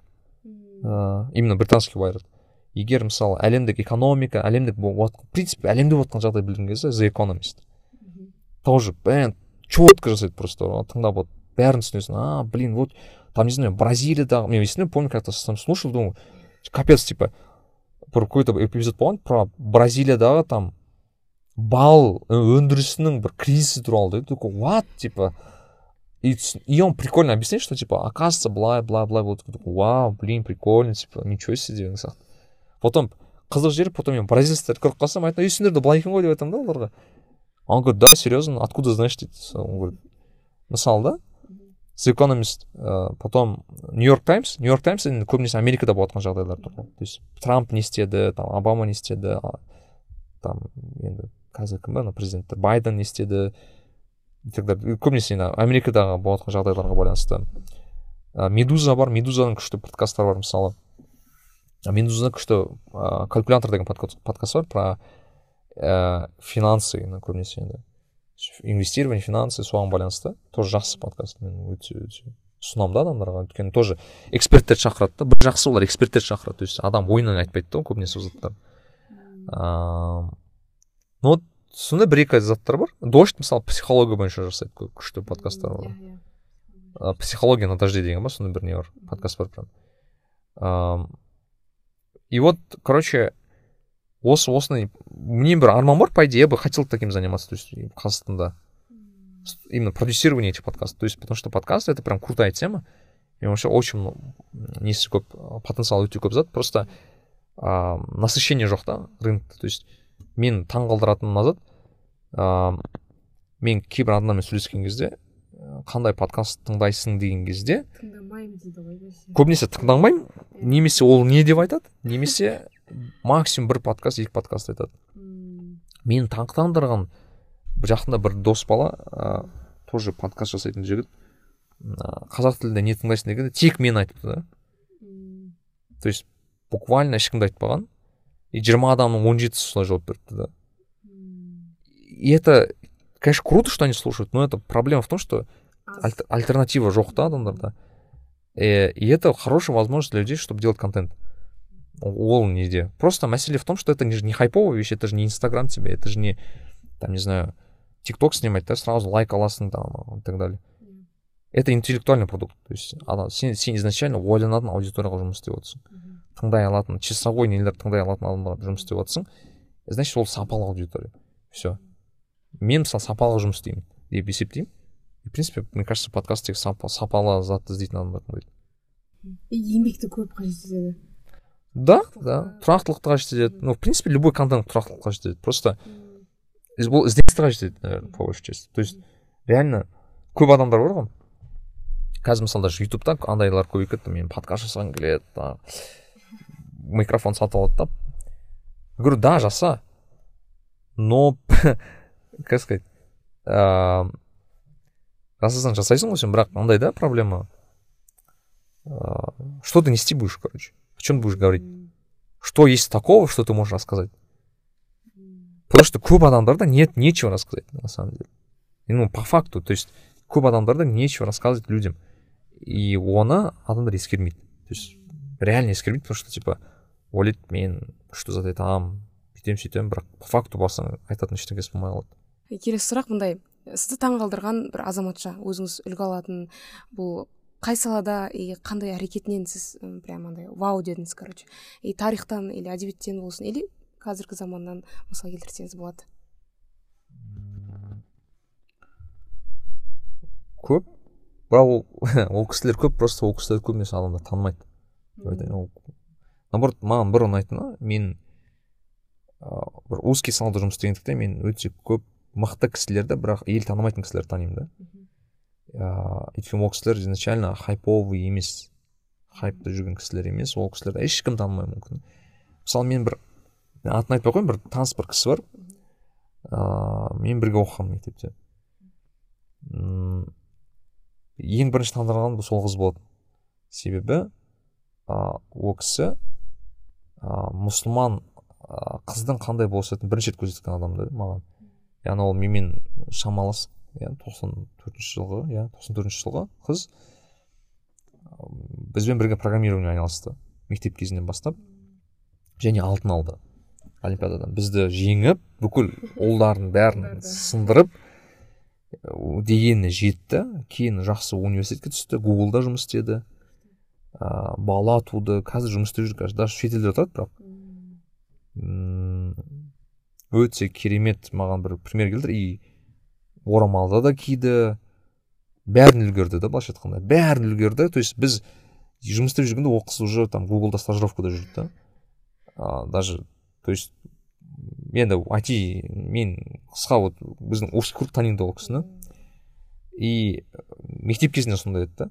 Яғни адам берілген өте ісінде адал до конца жүреді иә то есть уақытылы тұрмысқа шықты уақытылы жұмыс істеді уақытылы елге көшті бәрі уақытылы жасады да и в то же время өте өте бір тақуа кісі болды я только бүкіл шаблонды сындырды да ана кісі короче. И маған жақсы пример болды. Блин оказывается қыздар да осындай болады екен ғой деген сияқты. Ол бір екі енді ол кісімен біз подкаст жасағанбыз. Асылзат мүлкібаева деген қыз бар. Ә, үлкен кісі енді ол қаншада ол біразға келіп қалған шығар біразға енді. Бәріміз жаспыз ғой бірақ менен жасы үлкен деп айтқан ғой. Ыыы ол кісі маған таңғалдырғаны ол тоже орамалдағы там өте не кісі бірақ ол кісі маған жеке дамуға деген көз құлшынысымды бір ашқан кісі деп айтатын шығармын. Өйткені біз данияр жеңгетбек екеуміз ол кісінің скорочтениесіне қатысқанбыз кезінде. Ол не знаю он жетінші он алтыншы жылдар болған жағдайда. Буквально бес алты жыл бұрын ол кісі бізге сондай заттарды үйреткен да.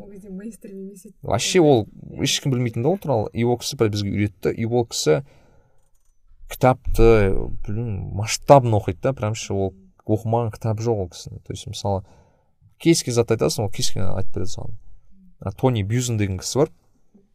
Сол майнд мэп скорочтение деген заттарды көбінесе есіне болса соны чуть ли не основательдердің бірі. Сол кісінің қолынан білім алған кісі. И ол кісіні қазақстанға алып келген кісі даже бір. Типа қазақстанға семинар жасап алып келген кісі. Ол кісі тони бьюзен қайтыс болып кетті уже? И асылда чуть ли не единственный человек снг да который өз қолынан алған білім. Настолько уникум болып қалған да ол кісі қазір. А, ол кісі керемет енді не?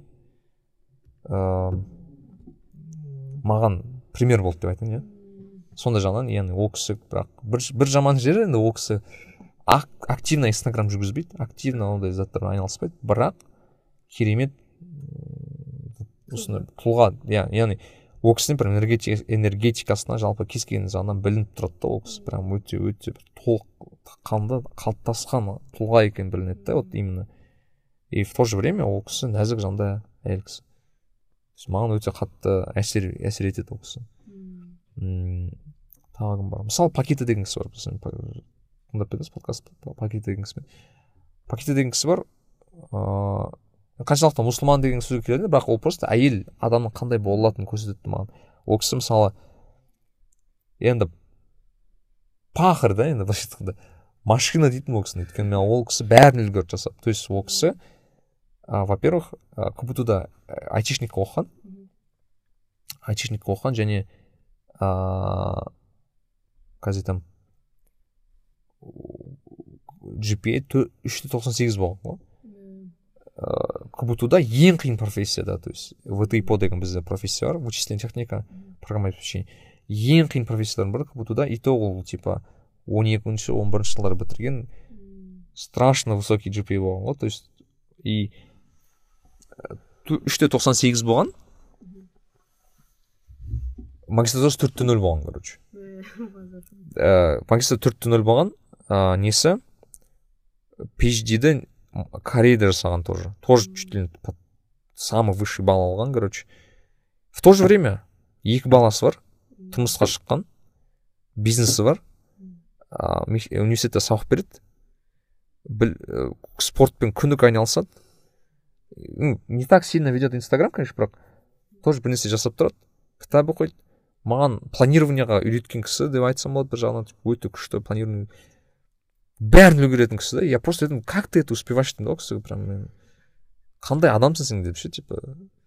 Причем балалары бәрі еще ол веган еще қызық жері андай веган жерде бүкіл жерде айтып жүреді так нарби надо бүйту керек сөйту керек короче андай бір активный кісі да еще. Прям бүкіл шаблонды бұзды да менің басында. Как ана әйел вообще успевает? То есть обычно же э, такие типа ойлайсың ғой? Причем вообще феминист та емес та короче әйел ше типа он говорит нет бүйтеді типа нет мужики главные мужики должны делать дейді да? Біз прям солай ну прям солай айтпайды бірақ типа еркек адамдар мықты ғой деген сияқты айтады да? Но в то же время ол кісі сама вообще машина короче ходячая мен үшін то есть таңғалдырады да сондай кісілер в то же время типа очень скромные. Вот айтқандай да іспен доказывать ететін кісілер да бәрі тек іспен сол бөлісіп жүрмейді. То есть кәдімгі қарапайым істер жасайды олар үшін. Бірақ ол біз үшін ол сұмдық заттар жасайды. Вот осы үш кісі шығар маған қатты әсер еткен и ол кісі үш кісіні де адамдар көбінесе танымайды. Жаңа феминизм деп айтып кеттіңіз ғой сіз өзіңіздің ойыңыз қалай қалай қарайсыз феминизмге? Ну блин проблема с феминизмом то что никто не знает что такое феминизм во первых давайте бастайық а что такое феминизм? То есть я не знаю.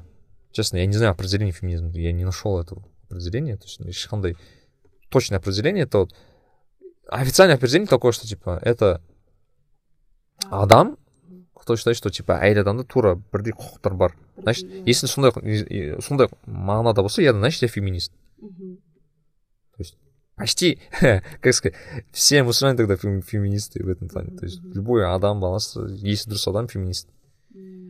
Но вопрос типа как трактуется этот феминизм да мысалы сондай мәселе то есть мысалы равные права в каком плане деген сұрақ мысалы бөлініп кеткен да қазір радикальный феминизм деп мысалы ну у нас вот с молдер аға был насчет этого спор не то что спор типа ол айтты что нет не существует радикальный феминизма деді ол типа ешкім бомба жарып не істеп жатқан жоқ қой деді да короче бірақ мәселе менің ойымша бар вот это деление то есть мне кажется ә, мен мысалы мына затты айтайыншы феминизмнан кішкене бөлек я лично считаю что ә, қыздарға өте көп көңіл бөлу керек қыздарға өте көңіл бөлу керек өйткені әйел адамдарға ә, көп ну былайша айтқанда внимание керек көбінесе в каком плане? Потому что мен мысалы өзім анам бар мысалы үйленіп жатсам әйелім болады немесе қыздарым болады немесе сестренкаларым бар.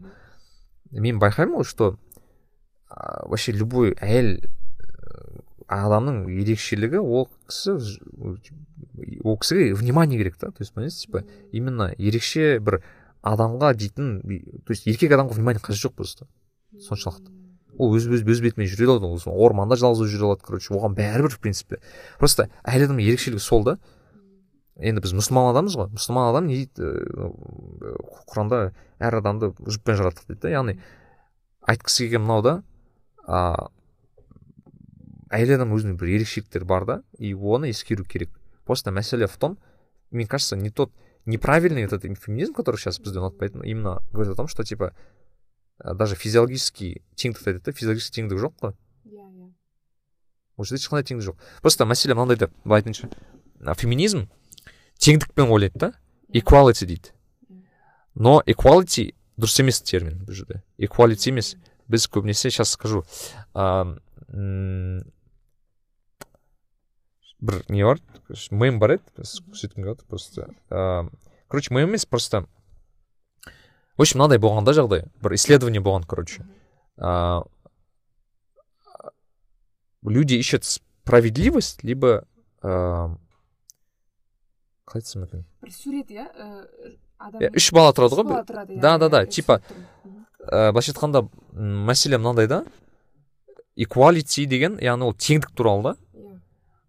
ал әділдік ол ә, басқа зат уже. Бірдей мүмкіндік беру. Вот. Вот әділдік.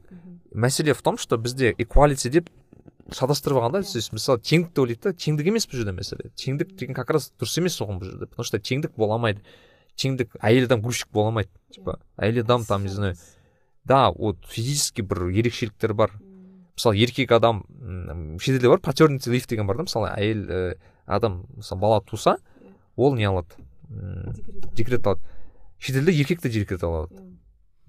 Ну я не знаю это странно для меня лично типа. шығып жатыр бір жағынан дұрыс та шығар но это вот уже ну Просто разница в том, что әйел адамда это физическая необходимость, у мужчин такого необходимости нету. То есть у него у него нету этой необходимости. То есть он может и без этого, да, мысалы просто там, наверное, по большей части там әйеліне көмектесу жағынан шығар көбінесе бірақ айтқым келгені ерекшеліктер бар да? Ерекшеліктер болған. Он жағынан наверное в, в этом плане я не феминист. То есть то есть я считаю что типа дін бойынша типа есть ерекшеліктер бар ерекшеліктер сақталу керек. Бірақ әділді бол әділдік болу керек та бұл жерде вот мысалы даже вот біз табиғат ағамен жасаған подкастта помните мы рассказывали о том что әйел адам настолько правалар көп что баланы емізгенде да вот бала вот насчет этого баланы емізуге ә, егер емізгісі келмесе она имеет право емізбеуге чтобы и мужчина обязан найти кормилицу дейді. Ғой но блин никто же не білмейді ғой әйел адамның екі ақ по сути ислам бойынша екі ақ құқысы бар ғой басты құқысы дегенде обязанность деп айтады ыыы міндеті деп иә вот типа екі ақ міндеті бар ислам бойынша иә ол біріншісі ол типа былайша айтқанда ыыы қарым еркекпен қарым қатынасы былайша айтқанда иә көбінесе физикалық тұрғыда. Екі ол ә, не ә, баланы есінде болса үш жасқа дейін ә, тәрбиелеп именно тәрбиесін беру деген сияқты ғой сондай есінде болса именно белгілі бір екі немесе үш жасқа дейін деген сияқты. То есть бірақ білмеймін бұл анық емес сияқты ну если я помню осы осы екеуі А, короче окей, окей. А, ну, в том плане, что типа их всего двое, короче, и все остальное это optional, да, то есть это то, что әйел адам делает Садақа етеді для себя уже, по сути. Она может и не делать, но если она делает, то ей в плюс деген сияқты, да? Мгм. То есть а, в этом-то и есть әділдік, мне кажется. Типа, әділдік в том, что, типа, әйел адам много чего не обязывает, ислам, В этом плане. То есть, многие же думают, что она обязана готовить, она обязана стирать. Она говорит, Ничего она не обязана, на самом деле. Просто она делает из-за того, что и, на, и, и во-первых, наверное, хочется сделать приятно немесе садаха мәселесі типа это кез келген зат ол садаха деген сияқты мәселе просто а, бір бірінің құқығын, құқығын білмейтін сияқты да нелер ам, ерлі зайыптылар то есть мысалы а, егер де бүкіл ә, вот мысалы шамиль адиновтың женщина ислам деген кітабы бар және мужчина ислам деген кітап бар да екі кітап бар мысалы. Менің ойымша егер де егер де а, еркек адам женщина ислам и, и әйел адамдар мужчина ислам деген кітапты оқыса то есть наоборот то есть там же про құқық туралы айтылады ғой бір бірінің то екеуінің взгляды екі түрлі болатын еді уже өзгереді деп ойлай- есептеймін себебі. Енді мен айта алмаймын конечно үйленбеген адаммын бірақ. Просто я к тому что мысалы даже ә, анаңызға деген қарым қатынас мысалы коллегаларыңыз бар әйел адамдар. В принципе қоғамда өмір сүресің ғой әйел адамдар ара- арасында өмір сүресің мысалы. Из за этого хотелось бы чтобы это поменялось да мысалы отношение. То есть әрине ә, я против ә, мысалы жұмыста шектетуді яғни қарсымын. То есть егер де мысалы тек еркекке арналған жұмыс деген сияқты. Я бы против этого потому что даже я работал в компаниях айтишных. айти компанияларда жұмыс істедім и мынандай проблема болды да. Егер де егер де мына айти компанияда бір адам тек еркектер жұмыс істейтін болса мен сондай компанияда жұмыс істедім. Бля еркектер короче бытшын шығарып жіберді ана жерде. Ну типа там атмосфера максимально не очень будет. Бірақ әйелінде бір әйел адам пайда болды ма сразу жинала қалады бәрі. Сразу жиналған сразу прям столдарын жинап кішкене болсын дұрыс киіне бастайды кішкене болсын бір түрлерін дұрыстап деген сияқты да. Неге өйткені ыыы сол да типа ұялу бар да? Жүрмейсің ғой сен үстін сасып сасып жүрмейсің ғой әйел адам ұят болады деген сияқты. Типа еркек адам өзің үшін де емес па жоқ бар ғой конечно типа адам өзіне байланысты да ад- ұят мәселесі өзіңе бірінші ұяласың ба деген сияқты бірақ ұялмайтын адамдар бар бірақ өзіне ұялмайтын адамдар басқа адамнан ұялады да хотя бы ең болмаса. Не конечно ондай да адамдар бар ұялмайтындар. Бірақ в основном мен көрген әйел адам көрген кезде еркек адам все таки жинала бастайды кішкене болсын даже мысалы ыыы біздің әкелеріміз да мысалы егер ұлдар болса спокойно жүре береді да қыз пайда болса сразу бір не знаю кейбір сөзді айтпайды уже. Кішкене жинала қалады дұрыс киіне бастайды бұрын шортымен жүрсе шортымен жүрмейді уже үйде короче. Мысалы да яғни почему? Потому что такое отношение да типа әйел адам көрсең сразу адам жинала қалады. Вот сондықтан ыыы менің ойымша осындай мәселе бар.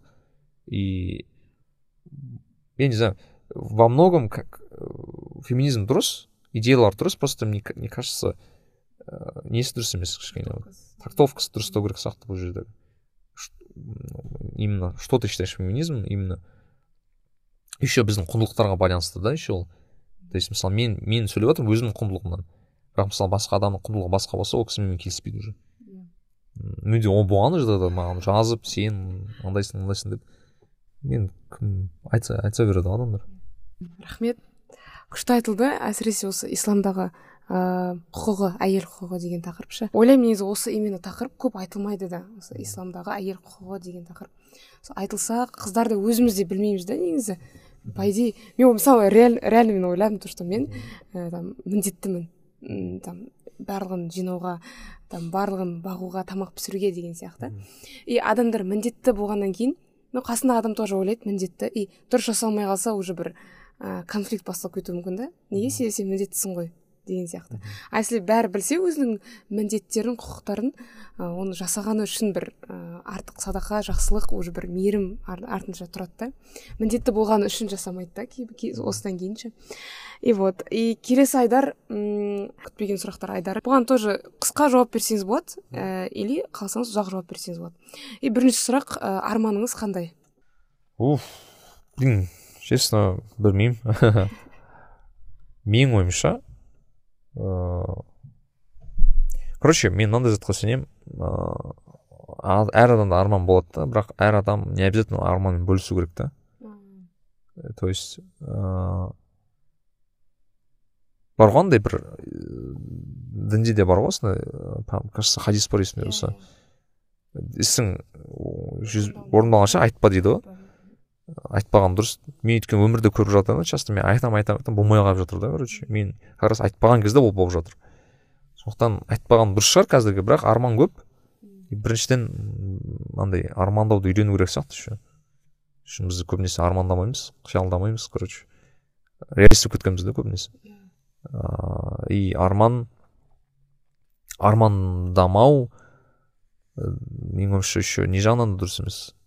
Дін жағынан дұрыс емес потому что типа ыыы енді құдай тағала әлемді жаратып отыр ғой әлемді жаратқан кісі ғой то есть сен, сен болмағыр бір, бір біздің армандарымыз оның жанында не тұрады да мысалы адамға адамның былайша айтқанда армандары ол құдайдың алдында ештеңке емес та негізі қарасаң ыыы бол десе бола қалатын заттар болып тұр ғой негізі просто адам дайын емес сияқты да кейбірде сол заттарға өзі что солай жауап беретін едім жақсы келесі сұрақ ым кітап оқуға байланысты.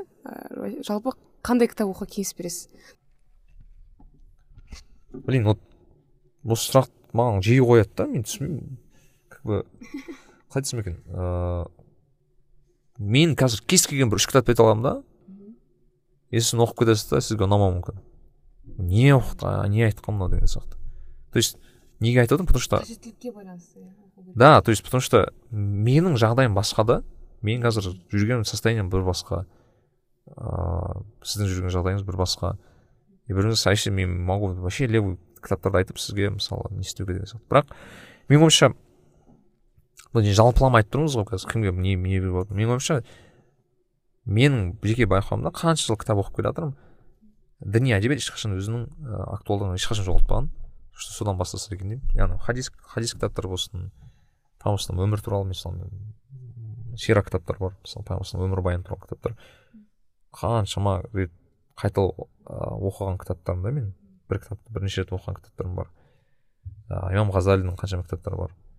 Ыыы білмеймін жалпы біл ислами рухани кітаптар оқылу керек сияқты. Себебі олар ешқашан актуалдығын жоғалтпайды. Себебі олардың актуалдығы құранмен байланысты. Құран ешқашан өзінің актуалдығын жоғалтпайды. Сондықтан ыыы енді оған қатысты білім мысалы білмеймін. Имам ғазали он бірінші ғасырда жазған кітаптар он ғасыр бұрын жазылған кітаптар.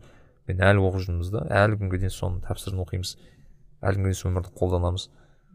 Сұмдық қой он ғасыр бойы қалай ол? Мүмкін емес қой. Он ғасыр біз бір жыл өтпей қалған кітаптар не істейді? Актуалдығын жоғалтады. А тут он ғасыр уже тұрған кітап. Значит бір точно бір ерекшелігі бар ғой кітаптардың. Жалпы классиканы оқыған дұрыс шығар деп есептеймін. Просто менің ойымша былай да кез келген адам бір ұнайтын бір классикалық кітаптар болу керек деп есептеймін. Бізде көбінесе қазір классика оқымайды ғой адамдар. Бірақ мысалы мен өзім бір ұнайтын классикалық кітаптар жазатын әдебиет әдебиеттер ұнайды өзіме оны болу керек деп есептеймін. Ыыы мысалы білмеймін. Ыыы мысалы шыңғыс айтматов ұнайды қатты өзіме. Ыыы мен қазақ тілді енді кітаптар аз оқыдым. шын айтсам өзім соған не істеймін. Өзім ұнамайды өзіме аз аз оқығаным бірақ солай болып қалды да. Бірақ мысалы мен соңғы оқыған мұхтар мағауин кітаптарын оқығанмын есімде осы. Ыыы ұлпан деген кітапты оқығанмын мүсіреповтің деген сияқты да. Мен бірақ жалпы әдебиетті оқығанды ұнатамын то есть мысалы тек қазақ тіліне байланбау да. Яғни бізде бар ғой. Әлемдік классика. Мысалы мен бәрін айтамын. Мысалы ең жақсы көретін кітаптардың бірі мартин иден деген кітап мысалы. Ыыы кімнің джек лондонның ыыы керемет кітап деп есептеймін себебі біраз неге ашады мысалы финансист деген кітап бар кімнің драйзердің ыыы айн рэнд деген кісі бар мысалы ол тоже атлант по речи деген кітабы бар источник деген кажется кітабы бар то есть ол кітаптар а еще маған антиутопиялық кітаптар ұнайды өзіме лично. Он тоғыз сексен төрт деген кітап бар мысалы девятнадцать восемьдесят четыре деген кітап бар ыыы оруэллдың ол енді маст хэв деп айтамын бәріне не оқуға антиутопиялық кітап қой жалпы типа ыыы то есть есть утопия есть антиутопия. Утопия деген типа сказка сияқты да типа. Бәрі идеально. Антиутопия ол ровно наоборот типа, бәрі слишком бәрі не идеально бәрі быт шыт болып жатқан әлем он тоғыз сексен төрт кішкене ойландырып тастайды адамды прям. Қазіргі замандағы көп ә, нелер параллельді көре бастайсың просто өмірмен осы жақта болған потому что он тоғыз сексен төрт как будто советский союз туралы жазылған сияқты бірақ қазіргі күнде де не болады. Көріністерін көріп жатсың да. Потом скотный двор деген кітап бар. Тоже қызық.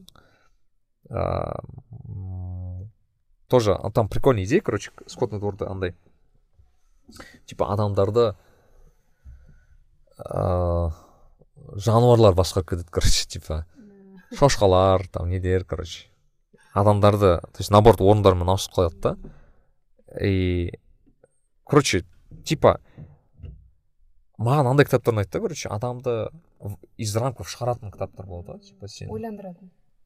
Жоқ любой кітап ойландыру керек қой нету кітап ойландырмайтын просто сені сені өзінің рамкаңнан шығарып жібереді да короче сен мына вообще ойланудан сен вообще басқа әлемге түсіп кетесің за это мысалы мен өзімнен бір ыыы ұнатмайтын мен мысалы гарри поттер сияқты кітаптар оқымағанмын да.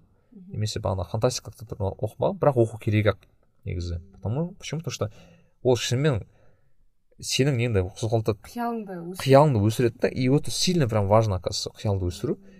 Потому что м әсіресе кішкентай кезде қиял өсірсең пайдалы екен да адамға. Ә, мен мысалы кітаптарды более менее мысалы университет кезінде оқығаннан бастадым да мектеп кезінде особо кітап оқымадым. Ыыы оқу керек еді негізінде ыыы бірақ мүмкін әке шешем мүмкін оған қатты әсер шығар. Может орта ондай болған шығар. Просто физмат мектепте біз тек физика математика оқи бердік та азынан кішкене.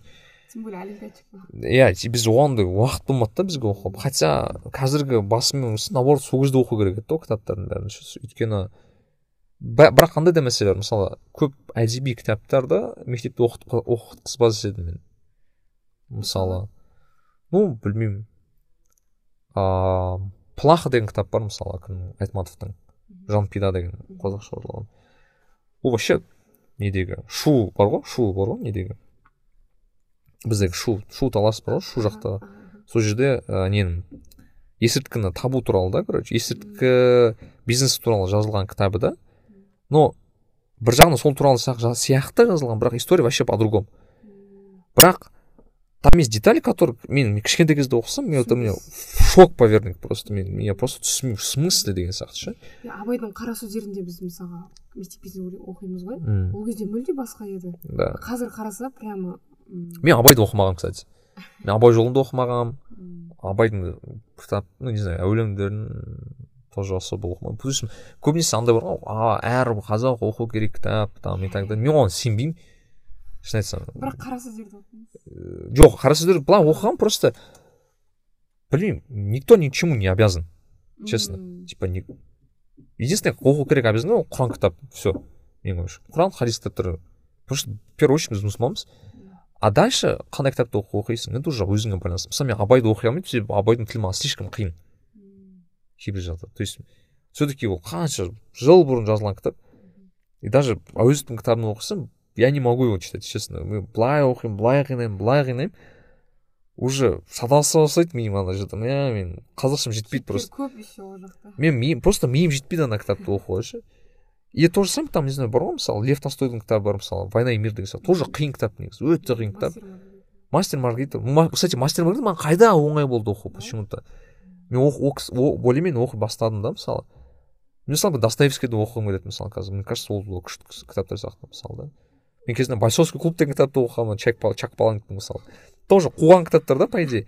Вот маған вот именно что типа қуған кітаптар ұнайды да типа как раз таки шығарады да вообще то есть ты такой черт возьми что происходит дейсің оқып алып не істеп жатыр деген сияқты ну вот как раз таки сондай кітаптар не істейді адамды бүйтіп ойландырады да щелкнуть мен андай кітаптармен ұйықтап қалатынмын бір есімде бір автор бар ыыы қыздар вот чисто қыздарский девчачий бір не жазады романдар жазады ғой типа ұйықтатып жібереді ұйықтатып жіберетін бір.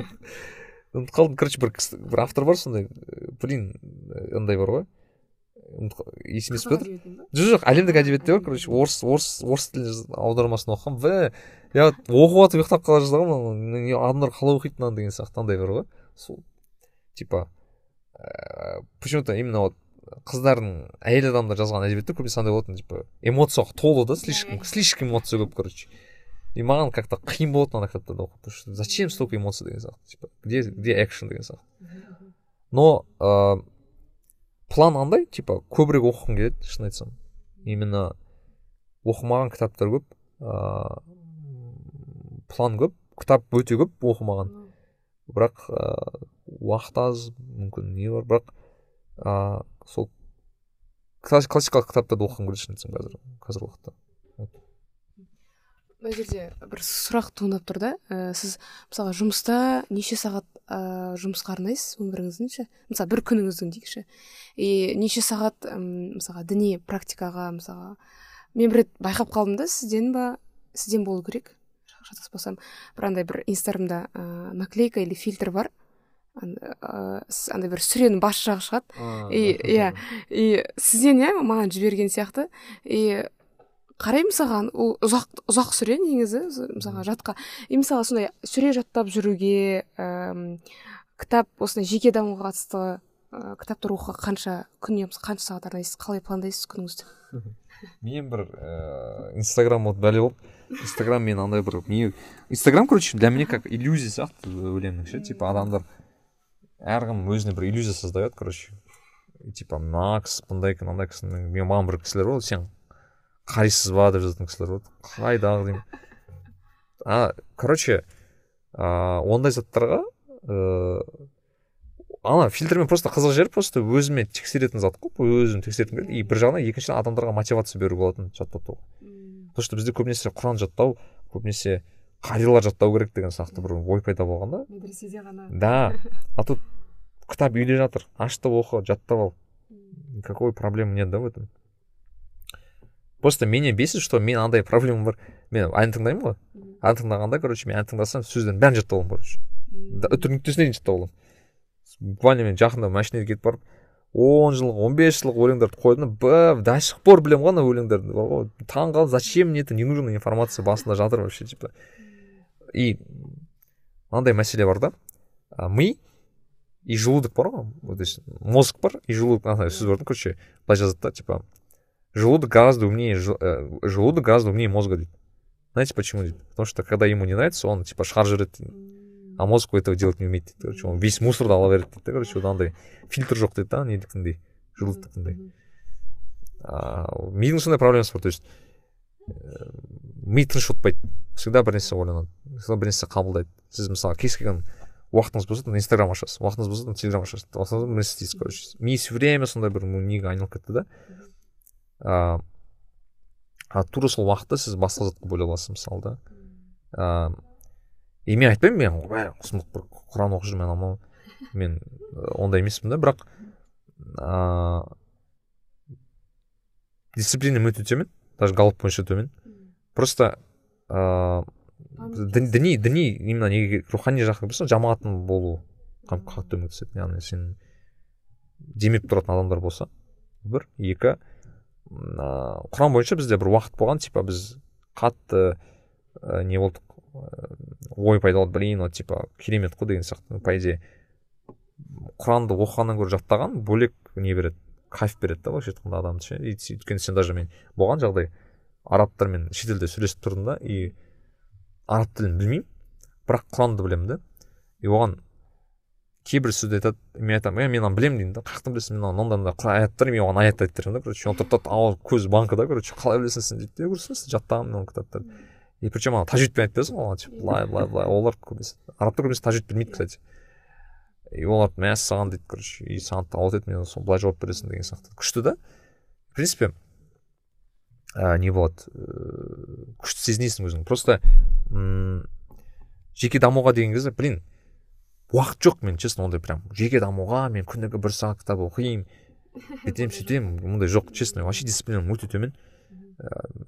Ондайға уақыт жоқ. Қол тисе жасап мен мысалы стол үстінде бір кітаптар жатуы мүмкін стол үстінде заттар жатуы мүмкін. Көзім, көзім тисе аламын да оқимын көзім тисе бүйтемін сөйтемін деген сияқты. Ыыы потому что инстаграм вот бағанағыдай просто адамдар сенеді да что прям реально адамдар бар. Отыр жеті мен сегіздің арасында мен отырып кітап оқимын. Блин ол реально бар шығар. Но очень сильно сомневаюсь в этом честно адамдар бар екеніне. Потому что я не знаю типа я мало видел таких людей өмір даже самый дисциплинный адамдар да ондай жасамады да менің өмірімде то есть уақыт мәселе уақытта емес та мәселе энергияда да короче. Энергияң болса сен көп зат жасайсың. Энергияң аз болса сен даже онды жұмыс жұмыс істегің де келмейді да мысалы. Энергияң тас болса мен түнгі бірге дейін отыра беремін бір нәрсе істеп. Вот. Ұнаған ісімен жасасаң то же самое да ұнаған ісімен жасасаң тоже блин много чего можно сделать в этой жизни. Келесі сұрақ ыыы бүгін мысалы құдай сақтасын иә бірақ бүгін соңғы күн десе ә, бүгін күніңіз қалай өтер еді?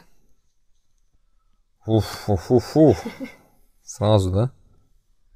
Да честно не тура солай өтер еді мне кажется честно потому что ыыы бізде ойбай бізде бір ой пайда болған мен бір дос балам. Бізде просто осы сұрақтың астында мынандай мәселе жатыр да типа ә, бар ғой. Типа если бы мы знали короче біз по другому бы думали короче сондай мындай. Вот менің бір дос балам бар. У него была клиническая смерть короче. Вот реально. Ол операция операционныйда жатыр. Ә, қатты доза наркоз беріп қойған ба бір нәрсесі болған. И у него прям клиническая смерть болып откачали оттуда короче. И он проснулся. Ну он тірі қалды ұйықтан он все это не знал он же в коме был. Типа не знаю типа просто когда он ұйқыдан тұрған кезде мен сказали ты один раз умер деген короче мне сказали просто. И прикинь сен типа операцияға жатасың таңертең тұрасың ну тұрасың и тебе говорят ты уже успел один раз умереть и этот тұрып үлгердің дейді короче. Вот. И біз ойлаймыз ғой біздің өміріміз ойбай өзгеріп кететін шығар ну типа. На самом деле өзгермейді честно. Это нам кажется что өзгереді потому что есть такая тема кажется если тоже қателеспесем ол хадис типа адам қалай өмір сүреді солай қайтады деген сөз бар иә иә бар бір жағынан правда да то есть мысалы бір күніңді өзгертіп жүрмейсің на самом деле то есть ничего не поменяется мне кажется даже білсек те ештеңе өзгермейді в принципе сен жасап жүрген істерді так жасайсың короче а что ты такого сделаешь я не знаю я не могу представить что я прям экстраординарно что-то сделал в принципе делаю и делаю типа сұрақ наверное егер сен құлшылықты көбейтіп әрине да типа ренжіген адамдар болса кешірім сұрап деген сияқты әрине болатын шығар просто адам и так ешкімді ренжітпесе и так ешкімнен сұрамайды да ғой по идее былай қараса просто мәселе наверное что бы я сделал бәріне я бы наверное вот взял бы сотку написал бы смс ку всем людям всем контактам. Типа егер қателігім болса кешіріңдер типа не знаю хақыңызды халал етіңіз типа ақыңызды типа неңіз адал етіңіз деп сөйтіп жазатын едім. Почему? Потому что типа барлығы кешіреді тек адамға жасаған қателіктерін кешірілмейді дейді сол. Сол жағынан наверное жасайтын едім. Ну наверное там не знаю садақа көбірек бересің деген сияқты. Вот ну вот прям кардинально мне кажется ничего не поменяется. Сондай мәселе келесі сұрақ. Әлемде ә, жеті миллиард адам бар и олардың бәріне ұялы телефондарына короче бір уақытта бір хат келеді делік. И оны жіберетін сізсіз. И қандай ә, сообщение жіберетін едіңіз телефондарына? Сізден ұрлап алдым осы сұрақты. Нарик билайф деп айтатын едім блин.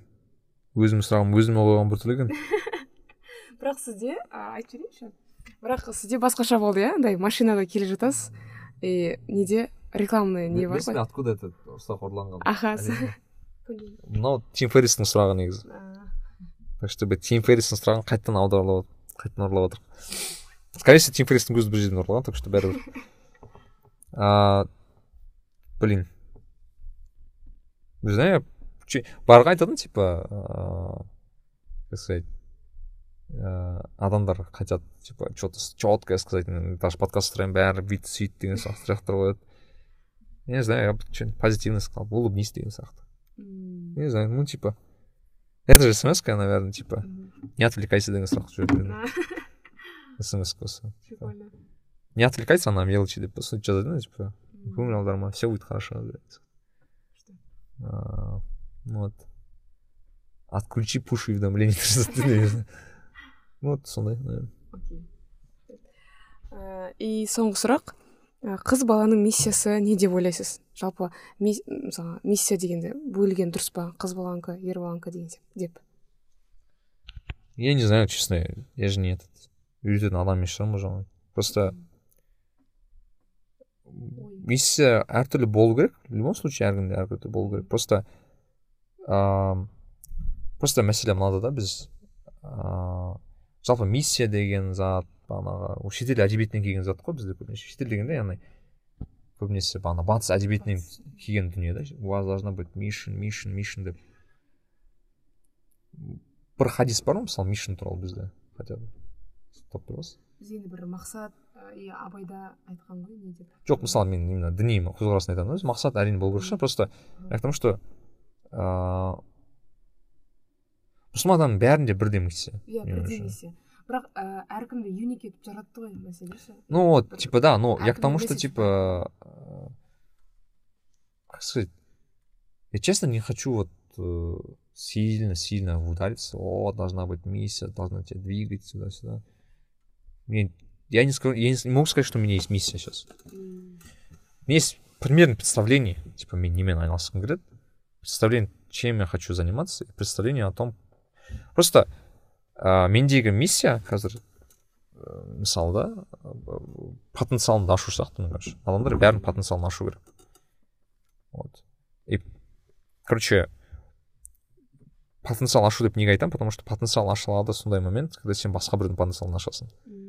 Вот. Сондай мәселе бар да. И мысалы әрбір мұсылман адамның наверное потенциалын ашу миссиясы болу керек шығар бірден бір пункт өзінің потенциалын ашу. Потому что мне кажется любой адамның потенциалы бар.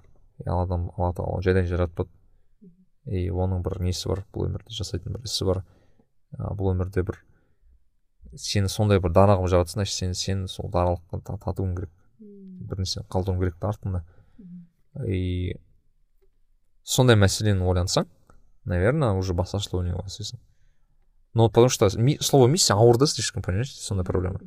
миссия деген кезде должен быть один стейтмент который сені вообще супер өзгертіп жібереді мне кажется это переоценено по идее мне кажется такая тема то есть э, от, опять таки от человека зависит но я, не, я просто не люблю помпезность ұнатпаймын да короче өзім помпезность это прям очень сильно бесит меня люблю простоту мысалы да что-то очень простое типа я не знаю вот самый уважаемый для меня человек это например мұғалім вот ты спрашиваешь мұғалімнің қандай не миссияң бар десең бала үйрету дейді саған болды мысалы да сол жауап беруі мүмкін саған бала үйрету мен мысалы анам мұғалім мен айта аламын миссия ол кісілерге миссия в смысле миссия дейді саған бала үйретіп жүрмін дейді то есть они не осознают свою миссию по идее? Но они это делают понимаешь?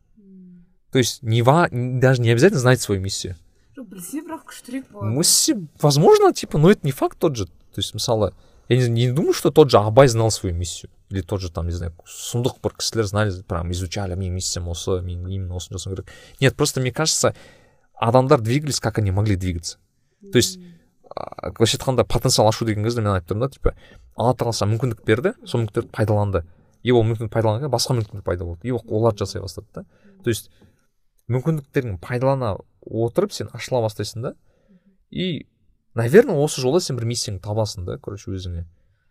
Наверное мен ол миссияны таппаған шығармын просто из-за этого сейчас так говорю но я не могу сказать ойбай мен именно осындай болғым келеді просто мен неге оны қазір айтып отырмын? Потому что скорее всего оны жастар тыңдайды. И жастарда андай пайда болуы мүмкін. Типа мен уже жиырма беске келдім әлі миссиям жоқ блин елу беске келсең де сен примерно алпыс беске келсең де примерно болмауы мүмкін да. Не обязательно ол болады короче сенде. я более менее уверен что типа девяносто девять процентов нет миссии көбінесе біздің общий миссиямыз бар жүз процент ол алланың құлы болып кету да бұл өмірде одан артық миссия жоқ а все что мы делаем это вот типа уже просто бізде былай да құлдық миссиямыз бар да это определенно изначально а вот все остальное это біз миссия которую мы сами придумываем короче өз өздерімізге и вот вот момент ну может может что вообще не придумать его Ну просто мәселе былай да мы же мы же смотрим ақыреттің несімен как бы көзқарасымен типа вот пришел человек ол құлдық миссиясын атқарды ма? Атқарды да. Өмірлік миссиясы болды ма? Ну болмады. И окей типа да какая разница типа была у него миссия не была у него миссия. Типа с этой точки зрения же вообще же без разницы типа ол не істейді деген сияқты просто зачем да короче.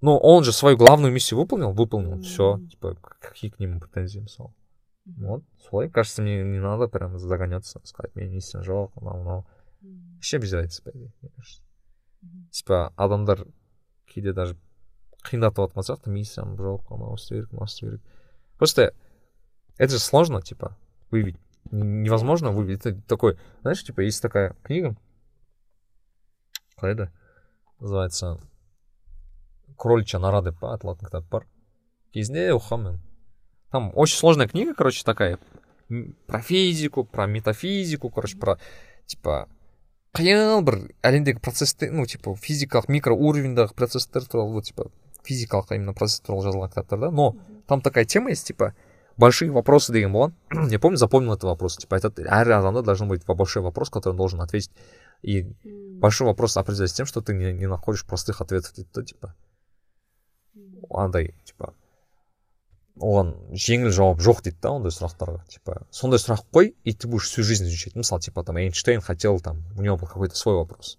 Какой нибудь бір крупный ученый был свой вопрос и он хотел всю жизнь на него ответить деген сияқты это круто звучит но это как кажется типа э, андай бар ғой ағылшын тілінде sounds good doesn't work короче. Сондай сияқты бірақ андай да бұл жерде ә, мысалға данияр жігітбектің лайфхактар кітабын оқыған шығарсыз иә? Иә. И сол кезде айтады просто ә, миссияны бүйтіп қатты үлкен қылып та абартып андай не істемеген ағай просто ол фильтр дейді. Ыыы например бір іс келіп тұрады сізге допустим вот подкаст жазуға ә, мен сізді шақырамын. И сіз қарайсыз ыыы вот например құл болу да допустим миссиямыз барлығымызға. А құл болу үшін не істеу керек? Там қоғамға пайдалы болу керек. А окей мен миссияма келеді окей мен подкастқа там келісемін деген сияқты. Ну бір фильтр деп айтады да.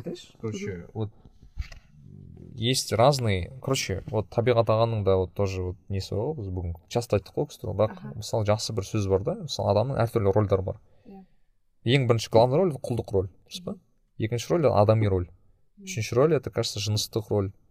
Төртінші роль это қайсысы жоқ ә, так типа а, этнический роль бар сенде? Потом туысқандық ролің бар. Короче разница в том что әр рөлде өзінің миссиясы бар да вот в чем проблема. Нету конкретно одной понимаешь бесеуін біріктіре алмайды бір нәрсе әрине бірінші роль это құлдық роль потому что құлдық роль бойынша сен бойынша не ұстай аласың қиямет қияметті сол үшін ұстай аласың ну это первое. Второй ә, адами роль. Адам адам адами рольдің басты мағынасы не бақытты болу менің ойымша. Әр адам бақытты болу керек. Это его обязанность мне кажется. Адам не должен быть несчастливым адам болмау керек короче. Оның ол прям менің ойымша прям несі сияқты басты мақсаты. Мысалы да там не знаю жыныстық роль еркек болса еркектің несін сақтау бағанағы қыздың арын сақтау оның өзінің рөлі бар. Ну то есть миссиясы бар. Не знаю қандай бір этническая роль.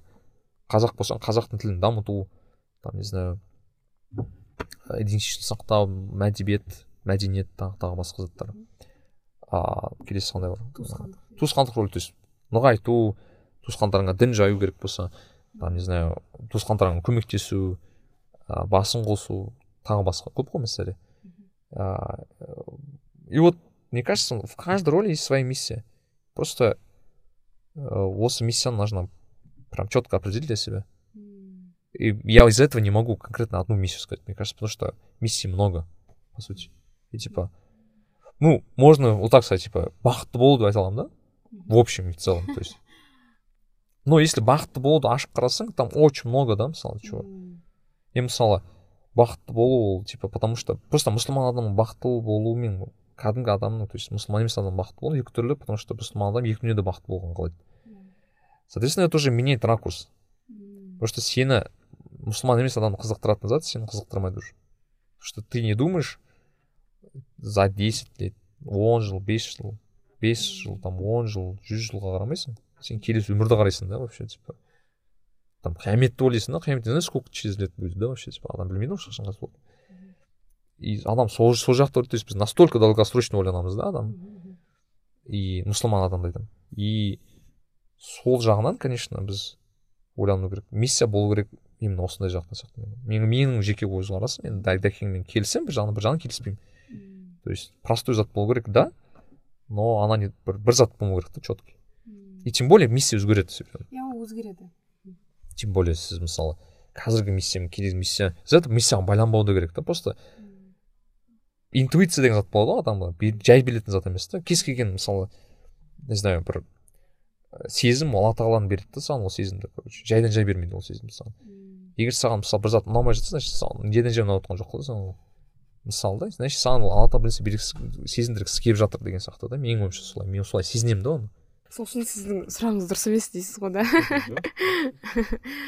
Ағай рахмет көп көп келгеніңізге. Біз екі сағат болыпты біздің подкастымыз. Оған дейінгі нелер? Ә, подкасттар примерно бір жарты сағат қырық минут болатын. Ә, рахмет уақытыңызды бөліп арнайы келгеніңізге. Сіздің де подкастыңызға сәттілік тілеймін сіздің айтқандарыңызды ә, подкасттан естігендерін жүзеге асыратын тыңдармандар көп болсын. Сол жақсы рахмет көп. Сау болыңыздар.